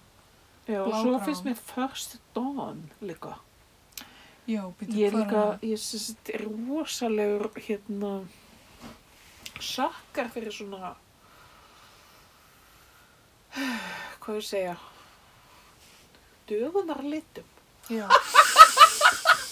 þú gætir sagt það. Ég, ég veit ekki hvort þú myndir segja það en þú ert búin að því allavega. Var ekki tekið tilbaka. Nei. En svo er eitthvað sem heitir Soft Presence. Ok, maður sé. Hann er svona í gulari kantinum. Já, svolítið svona rjóma en, en ekki að rjóma litaður og creamy pearl maður, hann er svo rjóma. uh, floral white er það þá eins og blómakvítur Já, líka stil. fresh air stillness Mér langar svolítið að vita af hverju stillness er svona út í græn. Við ættum kannski, þú veist, ef við varum með eitthvað svona fyrirtæki og varum að selja málningu, værum við ekki að, þú veist, hvar varum við að leggja áherslu á? Ég myndi sko leggja áherslu á customer service og eins og við vorum að ræða aðan þá held ég að ég geti verið mjög góður starfsmæður í málingauðurverslun Bara fullkomin, þú erum við fullkomin. og hérna gefið fólki svona um, svona haldbæra ráð um, um litavall Já, uh, en kannski sérstaklega þegar að fólk er að reyna að fara út í liti skilur, alveg Já, já. liti já, þú veist, út af því að ég fór í flugger með pappa og hérna við vorum að, ég var búin að velja þú veist, ég ætlaði bara hérna að mála hvítt uh, í, á vinnustofunum minni og hérna bara hvítt, nákvæmlega og hérna þá uh, hérna sýnir konunni flugger sýnir okkur alla hvítu litina og hún bendir á einn sem einmitt, þú veist, allir hvítu litinir hétt einhverjum nöfnum en svo einn hétt bara einhverjum hérna númerum og, og stöfum ég er 0500. já, eitthvað svo leiðis Já. og, og hún bent á hann og sagði þessi er vinsalastur Já, hann sagði það reyndar, sagði Báhás, Já. 0500. já, eitthvað svo leiðis og ég bara kefti hann sko. Þú keftir hann. í þessu tilviki, sko Mm. út af því að ég vildi hafa bara bjartan lit, sko og ekkert, ekkert lit sem væri að fara að messa við neitt annað, sko á vinnustofunni, sko en Já. svo kannski bakka ég með að Tabula seinna. rasa, sem sagt. Já, þarf svolítið Það var að vera þannig. hugsunin. Já. Svo líka ég er svolítið dimmt þar inni þannig að ég þyrfti að hafa eitthvað svona bjart og ég Já, þarf já. eitthvað að bæta lýsinguna þar líka. Já, Þannig að það er svona. En já, mér finnst þessir, þessir hvítulitir alveg mjög spennandi hérna.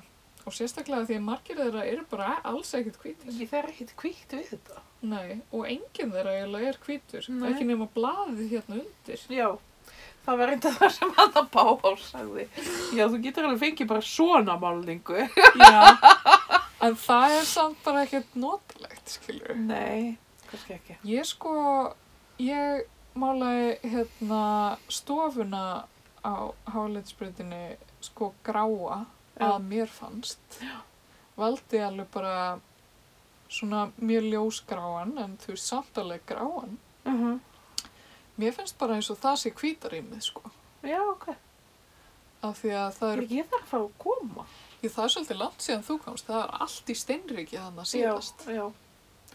Núna er svolítið svona betra loft sko. Já, um mig. Við skulum ekki tala um steinrikið Nei, uh, sem fylgir framkvæmdum. oh my god. Nei, Það er kaplið út af fyrir sig.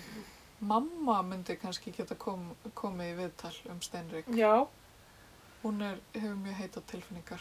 sko, það er svolítið rétt sem hún, þú sagði mér að hún hefði sagt. Já. Steinrik leggst á allt, Það gerir það. allt. Það er alveg rétt, sko. Það var Mam- hérna uppi og er ennþá, sko, á alls konar stöðum. Já, þó ég vil ekki viðkjanna að þá hefur mamma mín mjög oft rétt fyrir sér, sko. Já, Ég myndi aldrei segja það við hana. nei, nei, sko, þú hlust ekki. Djók. Hún er, eh, hún á kannski eftir að frétta þetta eftir nokkra vikur. Hún er svolítið behind, sko. Hún var bara að hlusta á þáttum í Jónulíf núna áðan. Nú, ok. Þannig Svo að... er merkilegt að byrtan fer í þessu liti, sko. Já, svo skipti það nefnilega öllu máli, sko. Hvernig finnst þér þessi Nova White?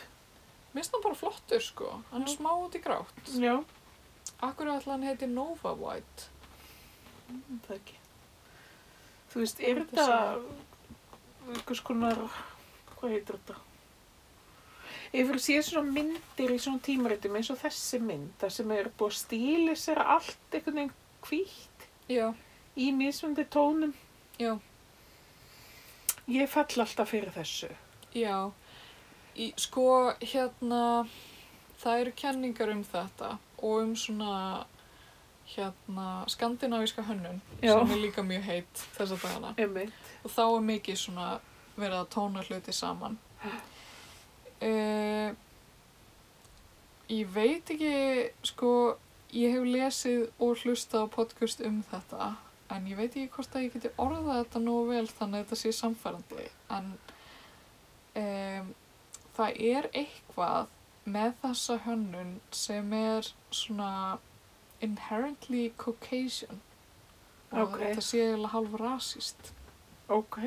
í undurtón Ég Ma- og maður bara fattar það ekki. eða þú veist að þessi þú veist e, að fólk sé alltaf með- æ, þú veist, svo er það líka bara flott hönnun, skilur ég er ekki að segja Já, það já, já. þú veist, en það er eitthvað svona þú veist, það er allir með eitthvað svona skandinavian design á heilanum og ég Já. þarf á meðal, skilur ég Já, þú veist, ekkert, ég er ekkert að draga því en þú veist, svo hlusta ég á podcast eða, eða las einhverja grein um þú veist, hvernig, þú veist það er allir bara eitthvað, allt í hennu með Scandinavian design og heilanum og hvort að þetta sé kannski bara ótrúlega svona middle class hvitt fólk sem Já. er uh, verið að, þú veist, hampa þar og fólk sem að hefur efna á að, að það komi bara eitthvað fólk að þrýfa heima hjá því því að Já. þú veist, er einhvern tíma svona reynt heima hjá þér Nei. allavega aldrei hjá mér, Nei, einmitt. En skilur nákvæmlega, þetta er sko breytar nefnilega, eða skotar, þegar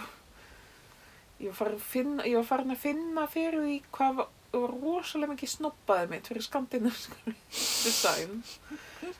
En þeir eru fullkomlega smekklausir í Já, ég veit það. innanhúshönnun.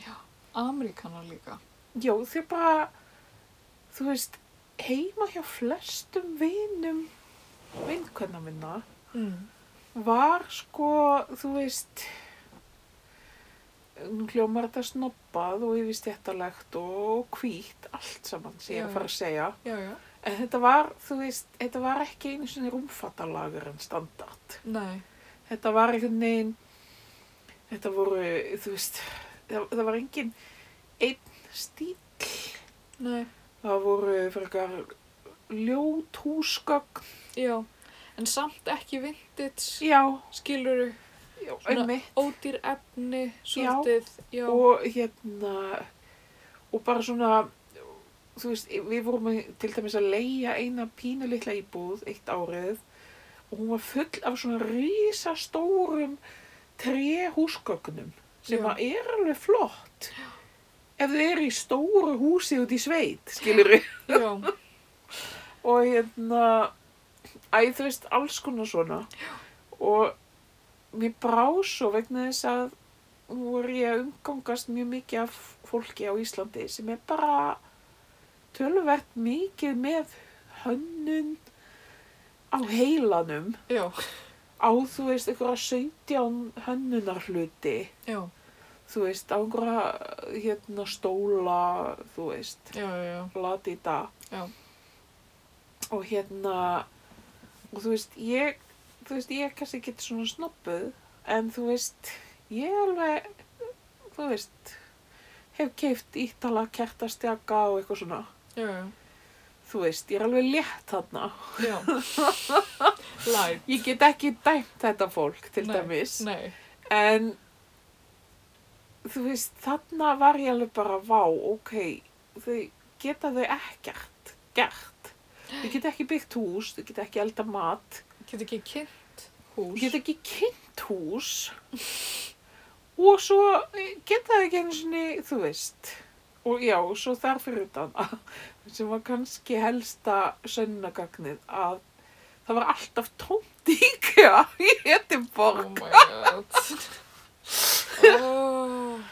Það var dásamlegt reyndar. Við vorum oft hann að íkja eitthvað að þvælast og Já. það var bara, við vorum bara eitthvað eini í heiminum. Já. Og svo þegar við komum heim þá allt í þetta bara, hvað, húslega margir eitthvað hérna.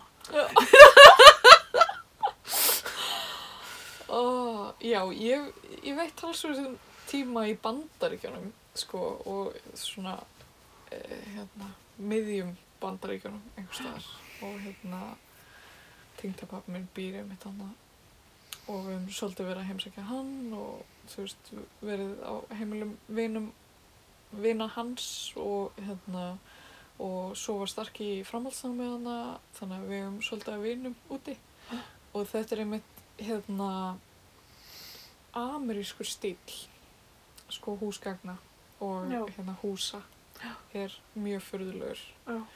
Uh, og hann markast svolítið á, á þessu sko, stærðar lögmálum af því að bandarísk hús er svo miklu miklu stærri heldur en þau þurfa að vera í fyrsta lagi Já, er það ekki? og miklu miklu stærri heldur en maður nokkuð tíma myndi þurfa Já. og þú veist miklu miklu stærri en hér skilur við Og hér er samt frekar stór hús. algjörlega og hérna og ég man að þú veist við vorum eitthvað þú veist þegar við vorum hana í listaskólanum eitthvað nýbúin að kaupa fyrir íbúð og þú veist bara rosa happy með það skilur Einmitt. við og eiginlega bara eina fólki, við vorum bara eina fólki sem við þekktum sem að, við, sem að hafðu keift íbúð og hérna og þá, þú veist, vorum við eitthvað að tala um þetta við einhverja vini hérna, tengdapappa og þú veist, þá voruð þið að spyrja bara how many bathrooms skilur við Já, já. og við vorum eitthvað, þú veist, frekar ánæð bara með að vera með eitt Já. skilurðu. en hérna, en þú veist, það eru þessar rosa stóru stofur einhvern veginn sem engum lífi vel í að vera Þú veist, það eru risastóri sófar sem eru bara stórir einhvern veginn af því að stofan er svo Já, stór já. skilur og hérna einmitt einhver svona verran rúmfattalagars quality einhvern veginn húsgögn og þú veist, Ekki það ég verið að segja að rúmfattalegurinn er orðið frekar smekklegur í dag. já, já, hann getur alveg verið. Þú veist, það er alveg fullt af dótið þar sem er fínt, sko. Við erum ekkert okkur. Nei, ég kaupi hellinga dótið þar, sko. En já, amerikanar. Skúringafötu. Herðu, ég líka. uh, ég þurfti að kaupa sko, þegar við komum að klepsveginum, þá vorum við eiginlega ekki með nógu góðan kústaskap. Hann var bara svona, svona mjór. Já, Ég veit að þið sjáu þetta ekki. En hérna... alveg svona. Það er alveg svona lítill og hérna maður gætt tróði kústinum hann inn og, og hérna ég gætt hérna keift mér skú, uh, skúr, uh, skúringamoppu sem að var hægt að þú veist íta saman skaftinu Já, Þannig- snitt. þegar gætt komist hann inn og svo kórona allt þegar ég keifti í rómfattaleginum hérna skúringafötu sem var hægt að brjóta saman Nei. Jú. Wow. römuleg mæla ekki með Ok. En hérna, en ég var að segja þér, hérna, Móa, eh, þú veist, af því að aðdáðundur okkar hafa verið svolítið, hérna, spenntir yfir framkvöndunum okkar. af því við Já, höfum nefnt þú ert þetta nú með svona. Instagram-reikning, má tala um það? Instagram-reikning frú Barnaby. Já, Nei, sem ég tengdu framkvæmdunum. já, ég gerði bara sérstakann Instagram-reikning Já. og hérna, af því ég vildi ekki drepa alla vini mína, venjulegu vini mína úr leðendum. En það er allir að deyja á áhuga. Já, ég veit það, svo komst ég bara að því, þannig að, hérna, En mér finnst þetta mjög góð, gott nafn á þessu. ok. Já, ég var mjög reyðin á því. Ég var eiginlega bara alltaf hérna, uppnefin að því að ég hef verið fyrsta manneskjan til þess að taka þetta nafn. Já, ég er svolítið hissa. Já, að því ég hefði haldið að það væri tekið, sko. En hérna, það er talsverður áhugi á þessu Instagrami og hérna, Algjörlega. meira að segja fólk að followa, sko, sem ég þekk ekki. Einmitt. En hérna, Bíóparadís meðal hans, Ok. sem ég veit ekki alveg Nei. hvað þið gerist. En við erum líka með Instagram-reikning, frú Barnaby. Já. En eh, sem sagt, þú varst að tala um Instagram-reikningin rugglutallar. Já, Frú Barnaby er alltaf að koma með góða móla. Já, mjög góða móla og við hérna, við höfum fengið nokkra spurningar um hérna framkvæmdastúsið okkar, senda, Já, einmitt. aðsend. Já. Og hérna, ég ætla bara að velja úr kannski nokkrar Ok, sem að, þáttu með það. hérna, e, þú veist, það eru tvær, hérna, fyrstu eru, hérna, hvaða framkvæmdum eru þið í? Við erum nú svolítið búin að Já, já, já. svara því. Já, já. Eh, svo er önnur spurning, taliði mikið saman um þetta ykkar á milli? Eh, Eiginlega bara Já, ógisla mikið. allan daginn, alla daga. Og svo er ég alltaf bara eitthvað, en auður, hvað finnst þér um þetta? Svo stundum sko spyr ég auði áður en ég spyr amma.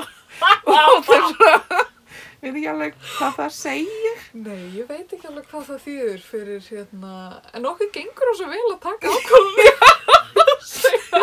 Kanski að, þú veist, ég veit að þú mynd koma afgjörði svar eftir mjög fljótt. Já, en ert þú meðvirk nokkuð með mér? Út að ég er alltaf með mjög mikla skoðanir, ég veit það. Ég, ég verðist reyna þeim manneskjum í alheiminum sem er bara algjörlega laus við meðvirkni. Þessu lofa.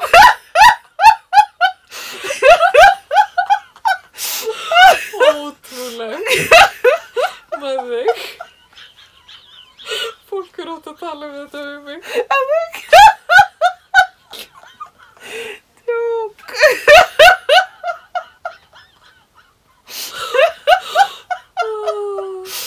Jæja, Arnar, ég von allavega að þér, þú kunnir að met- meta allt sem við erum búin að velja inn í eldhús.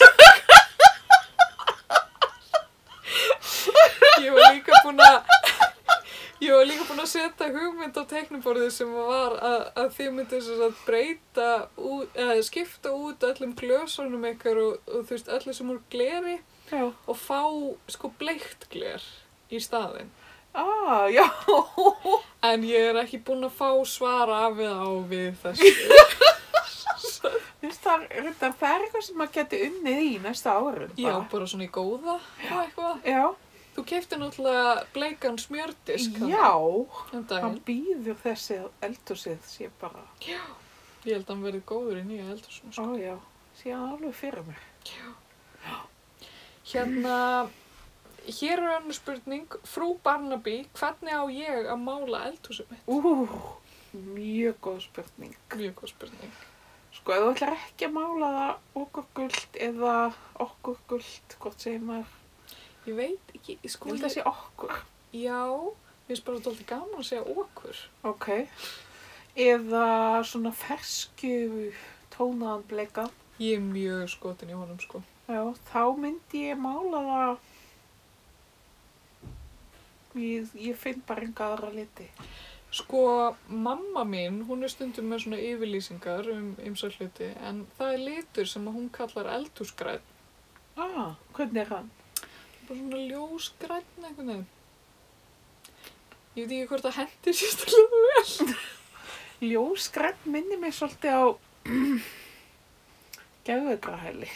Já, það er kannski rétt. Ég sko hef ekki farið þá leið, en ég held sko reyndar hérna svona myndugræn og þú veist svona rauð appi svona gulur fara rosa vel saman og ég held að það getur verið flott eldhús.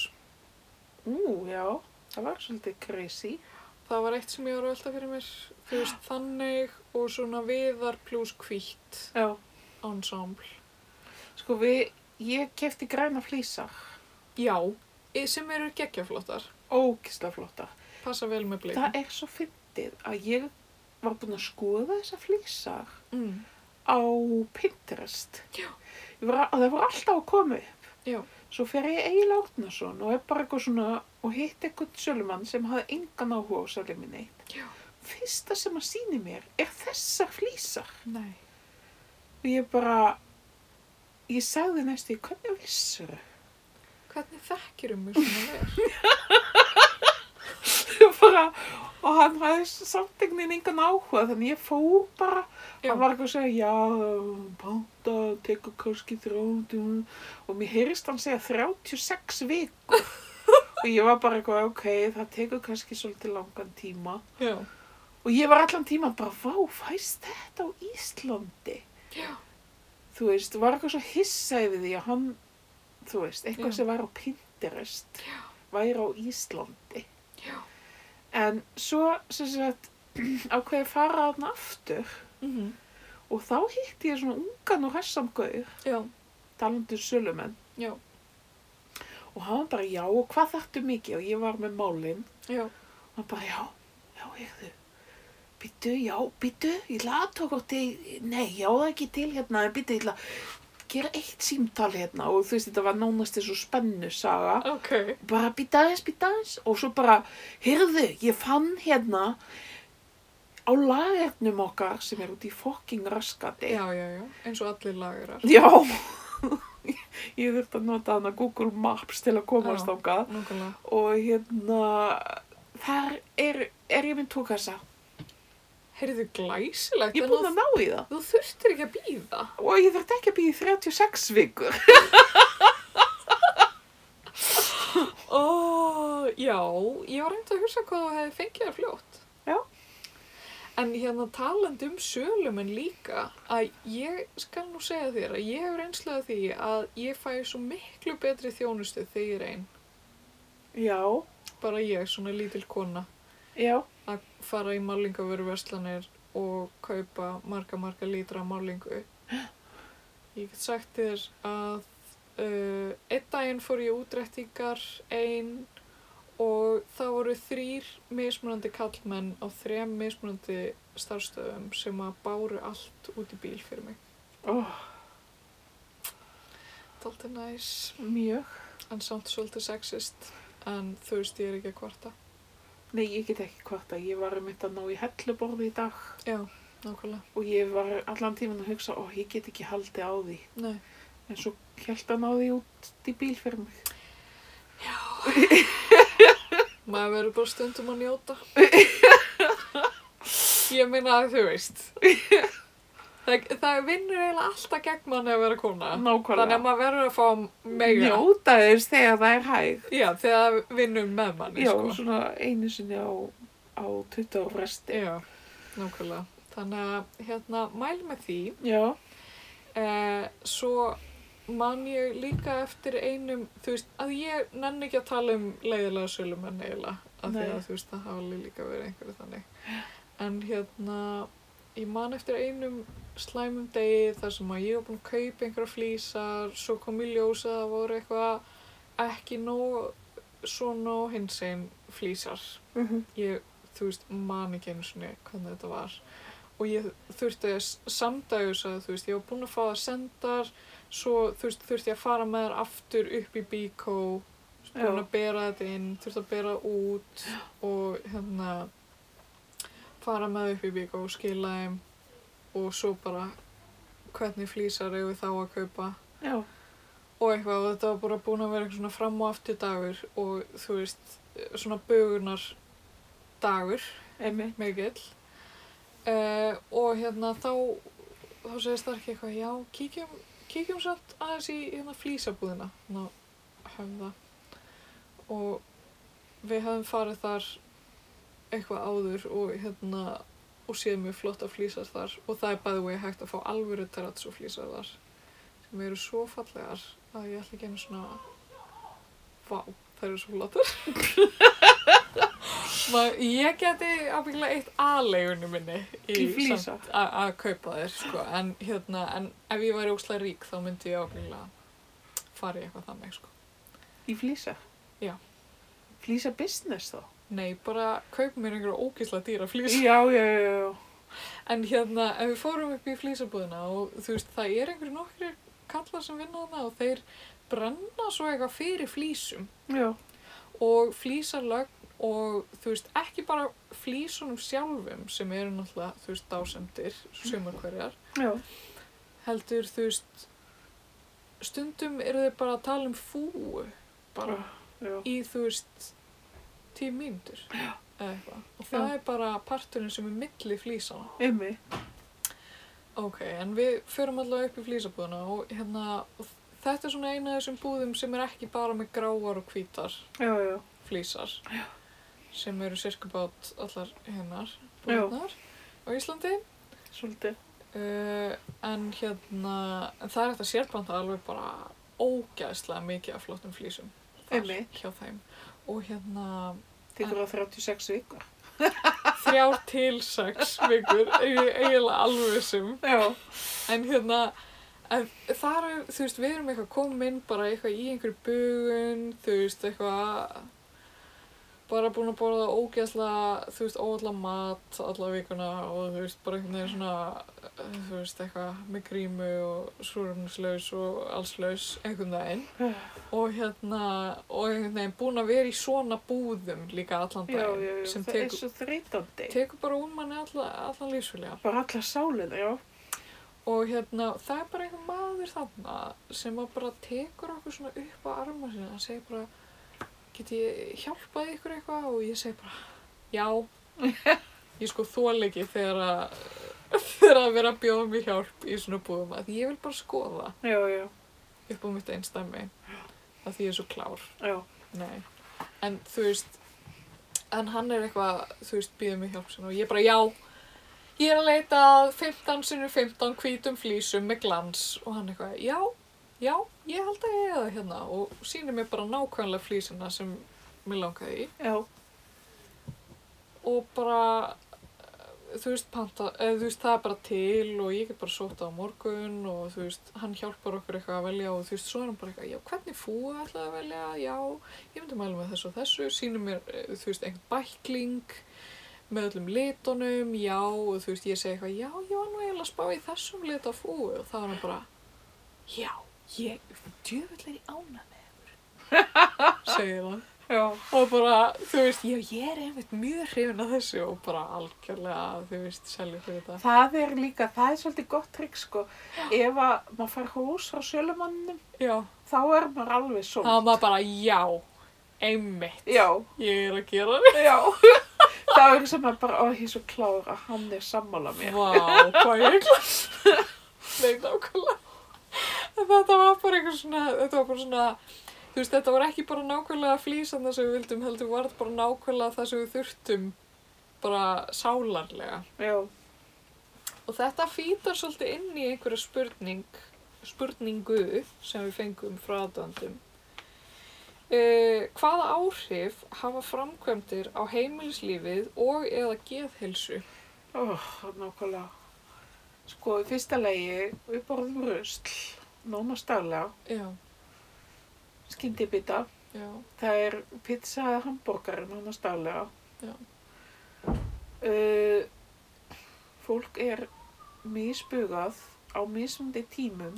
ó já, það er svolítið erfitt. Já, og svo er það þetta að við erum að fá yðnamenn hérna snemma á mótnana og stelpunnar í vetrafríi. Það er ekki alveg eitthvað að gera sig. Oh, Þannig að þú veist, við erum ekki hérna æðislu fóreldrarnir sem eru að fara með úlingana í skíðaferð eða eitthvað. Nei, við erum umilegu fóreldrarnir sem erum að fara með þau í IKEA. Og, en ég verð samt að segja þér, varandi flýsar, já, að sem sagt, vinkona mammu minnar í Fraklandi já, er langa, langa afabann, Viktor Hugo. ok, sem er svolítið merkilegt. í, já, það er mjög merkilegt, En það er kannski ekki það sem kemur sögunu við. ok, En hún er svona, og er svona rosalegur hérna innan hús pælari ok, sem var ekkert sko algengt þarna inn í 80s. ok, En hún var að koma, íbúðin hennar var ofta að koma í svona blöðum, svona innanhúsblöðum. ok, og hún var alveg geggjaflott sko, húsið sem að hún á hana í sveitinni fyrir utan X ok, þú veist og það er geit og það er skjálbaka sem er ég Eh, heima, skriljónar og gömul og Ókei. þú veist og innviðnir eru dásalegir og það er mjög mikið af flýsum í Suðurfraklandi já, já, já, algjörlega, og þú veist það voru flýsar á öllum gólfum Já, það sé já. ég ólst upp og þú veist það var bara eitthvað eðlilegt Já. þá sko en eða, mér fannst það eðlilegt en allavega og hún sem sagt eignast flýsa fyrirtæki ok, og er með alveg og svo er ég svona farin að followa hana þetta fyrirtæki á Instagram ok, ég er búin að vita af þessu lengi sko en Já. svo allt í henni fattaði ég, já það er örugglega á Instagram já, og þetta eru klikkar flýsar, það er að sína Já. þér það einhvern tímann. ok. þetta er sem sagt pointið með söguna Ok, en ætlaðu þú að fá þig geit í eldhúsið þitt? og mér langar svo í geit en þessi geit var svo þrjósk og svo leiðileg Þú ert að fá ykkur að betri geit. já geita mjólk en alltaf geita ostu mm. Oh, vá, hvað mér langar að geta á snána þú segir það. Já, þú ætlar að segja, ykkur komið spurningum með, þú ætlar að segja mér hvað, hvað áhrif þetta hefur á þína geðheilsu. Já, þú veist, eh, þú, þú ert nú svolítið svona eina báti svolítið með þessar, eh, hérna, Bugun. nei, nei, með allar ákvarðuna stundum eh, af því að Arnar kannski, hans svið er kannski svolítið annað, eitthvað, en ég og Starki höfum alltaf skoðanir á öllu. Já, sko, Bæði. já, Arnar hefur nefnilega skoðunar öllu en hann er bara búin að vera svo rosalega upptekinn. Ah, ok, það, þar liggur hundur í græn. Já, já, sko, venjulega nefnilega, kannski venjulega erum við aðeins meira svona að, Já, í þessu Hvað? saman. neða, svona meira svona, við erum ekkert Rífast. endilega s- sammála. Já, mér finnst það vera pyrrandi, sko. Uh, að, þú veist, ég er ekki að segja að ég þurfa alltaf að ráða. Nei, Ég myndi bara vilja að hans skoðanir væri ekki svona að káfa upp á mína skoðanir. og hérna, og stundum með mitt, kemur þessi tilfinning svona, ég trú ekki að þú sért ekki sammála mér. Eins og við rættum aðan það er svona svolítið pirrandi sko af því að við erum mjög samstíða í mörgu þannig að þú veist maður hefði haldið að við værum þú veist já, mjög Ég, samstíða í þessu ég, mér finnst það bara jákvætt sko að þú veist, ég held að, já já að þú veist mér finnst sko eins og við Arnar um aldrei eitthvað góðslega oft sammála um allt nei en mér finnst það líka bara svona sína að maður sé já bara ég meina ég held að ég myndi ekki vilja að hann væri algjörlega áhugalaus um þetta allt nei eða þú veist einhver svona undirlæja þú veist nei einmitt ég var bara ok þá þú veist Nei, nei, einmitt, svo er það sko, það er hinn póllinn, þannig að þú veist, já, það er hérna, það tekur svolítið á þegar maður þarf að taka allar ákvarðanir saman og hérna, e, og stundum er það compromise og stundum þarf að þetta er taka, náttúrulega alltaf kompromiss er það ekki? jú, og stundum Það er þarf líka bara, þú veist, það er svolítið það sem að lita samskipti fólks að, í nánum samskiptum. algjörlega, Að maður þarf alltaf að vera að Já. kompromísera já, um alveg minnstu hlut. já, eins og heldur Já, eða, eða blöndunatæki, já. já, þannig að... Ég held sko, ég myndi svo núna, Arnar er búin að vera svolítið svona í tímasparna, hann er að kenna svo mörg námskeið og svona. Já. Að hann er bara svona í svolítið tímasparnaði. Já, En þú veist, ég var reyndar ekki að gera mig grein fyrir því að þetta væri svo rosalega mikil vinna að ákveða þetta allt saman. nei, einmitt, Og líka því við höfum aldrei farið í svona framkvæmdir, eða þú veist, við höfum aldrei gert neitt upp eða svo, þú veist, Nei. eins og þið. Nei. Að bara, maður þarf að hugsa um ljós og rofa og rafvirkja og hvar, hvar viltu hafa innstungur? nákvæmlega, hvað vil ég hafa innstungur? Bara ég veit það ekki. Og svo er, svo, þú, svo er maður bara eitthvað að taka ákvörðum fyrir næstu ári eitthvað. Ó, það er einmitt, þessi ramagsmál er alveg að fara með mig að því að bara hvar, já, einmitt, hvernig rofa viltu hafa og, og hvar viltu hafa innstungunar og þú veist, sérstaklega með þessa íbúð sem ég aldrei búið í, þú veist, auðvitað veit ég ekkert hvar ég vil hafa innstungunar, ég veit ekki einu svona hvar ég ætla að hafa lampa Einmitt. eða, þú veist, eitthvað, eða stinga tölvunum minni í samband. Já, já, já. eitthvað. Þú veist, þannig hvernig á ég að segja til um það? Ég held að við séum búna, búnar Að tæma þetta. að... Nei, við erum alls ekki búin að tala um Nei, þetta. Mm. En ég held að við ættum ekki að tala meira. nei. el- Þið það núti sem eru að, í framkvæmdum. Bara við samhryggjum. Já. Við hugsum til ykkar. En svo segja allir að maður verður svo gladur eftir á. Er það ekki? Jú, Ég er svona að vona það. já, En það er eitt sem að liggur núna beint við.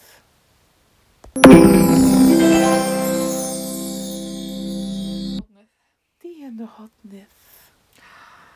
Herðu, varstu búin að heyra Harry og Vilhjálmur eru bara ósáttir. Nei. Þeir eru bara, William er bara í fílu út í Harry. Fyrir þá hvað? Æ. Að vera í Ameríku eða? Já, eitthvað svo les. Ég las ekki mjög svo góða, greina góða grein um þetta um daginn. Hvað segir um þetta? Æ, mér finnst það oft eitthvað svona að vera tilbúið sko. En Er það ekki? ég ætla að veðja svolítið á það. En ég veit það ekki. Svo náttúrulega bræður muni berjast. Það er oft núningur á milli bræðra. Já, Uh, en þú veist, ég veit það ekki. Ég held að ég er einhvern veginn, ég veit það ekkert. Ég veit bara að Filippus er ennþá á spítala. já. Maður er farin að hafa svolítið ráðgjur. Já, þetta er ekki gott. Ég nefnilega hlusta á fréttir, nei á útdorpið og það ein, eina sem ég heyrði, já ég hef slæma fréttir að færa og, og þá held ég að þau ætluðu bara að segja að hann væri farin. Já. Ég fengi alveg smá slag fyrir hjartað Já, þetta væri svolítið svona og fattaði bara, vá, hvað maður er eitthvað, heimskur. Eða þú veist með þetta. hvað maður er mikið að spá í þessu samt eitthvað. Já, ég held að það myndir umbrúlega snert á mann á Já. þessum tímapunkti. Já, En ég vona bara heilsugur að, að hérna, engil díðinu prinsessu vaki yfir þeim öllum og sérstaklega yfir bræðrunum. Hún geti já, vakið sætti, heldur þú að Harry sé að flýja? getur verið. Mér hefur fundist þess að Harry sé á flótta, bara, all, hafi bara alltaf verið á flótta. Já, hann er örgla á einhverju flótta sko. Já. En vá, ég gleyma að segja þér. Ég var hann að blaða skoða Hello Já, með hérna myndum af Elisabetu, drottningu já, og þeirra skriljamindur. Ég þarf að sína reyna mynd þar sem er eh, svona fjölskyldumynd ok, og það er allir. Og William er hérna og Kate og litlu krakkarnir og allir einhvern veginn rosa flottir. ok, Nýma það er svo tákrænt við þessa mynd Ok. að sem sagt það eru nokkur þarna sem eru einhvern veginn í kvarfi eða skugga og gettu nú. Filippus. Nei, Nei, það er sem sagt Harry og Meghan eru í skugga. Það sést valla í Harry fyrir William hæ? og Meghan þau eru einhvern veginn fyrir aftan og það er svona fellur svona svona skuggja á þau og auðvitað Camilla. Nei, Þannig þeir þrjú er einhvern veginn í röðinni fyrir aftan og það fellur svona skuggja á þau. heldur að það sé mér áðumkjart. Alveg fullkomlega. Oh my god. Þannig þú veist, þetta er bara svona, það, hérna er við, fjölskyldan, fullkomin, frábær og allt það. Oh, Já, og svo eru þau svona, svona, við skömmust okkur fyrir þau. oh my god, Spáðu hvað þetta er ömulegt. þetta er umulett. Þú veist, ég var ekki til í að vera hluta af þessari familíu. Nei. Nei. Ég var En hvernig var það þegar Harry og Meghan voru eitthvað að ge- láta gera við húsi sem þau ætlaði að búa í? Já, Þá voru eitthvað á, átta eldhús. já, já. Og þú veist, Mínumum, sko. hvað eru margar ákvarðanir í átta eldhúsum? Ég vorkenni þeim mjög mikið. Og svo er þau ekki, svo búa þau ekki eins og nátt. Nei, ég mei, Þau hafa ekki efni sem er við þau. nei, En þau hafa uh, ábyggilega ekki mikið verið að brasa í þessu sjálf. Þannig að, Ná, sklóan ekki. næ. En ef ég ekki bara segja þetta gott á þessu fína kvöldi Já, við erum orðnar lúnar. og við þurfum að velja lag til að hafa í endan. Einmitt. eitthvað mjög gott og karrant heyrðu, við segjum það bara í byrju oh, mér finnst þau alltaf svo flott klipi þetta er svona skandi skandi lag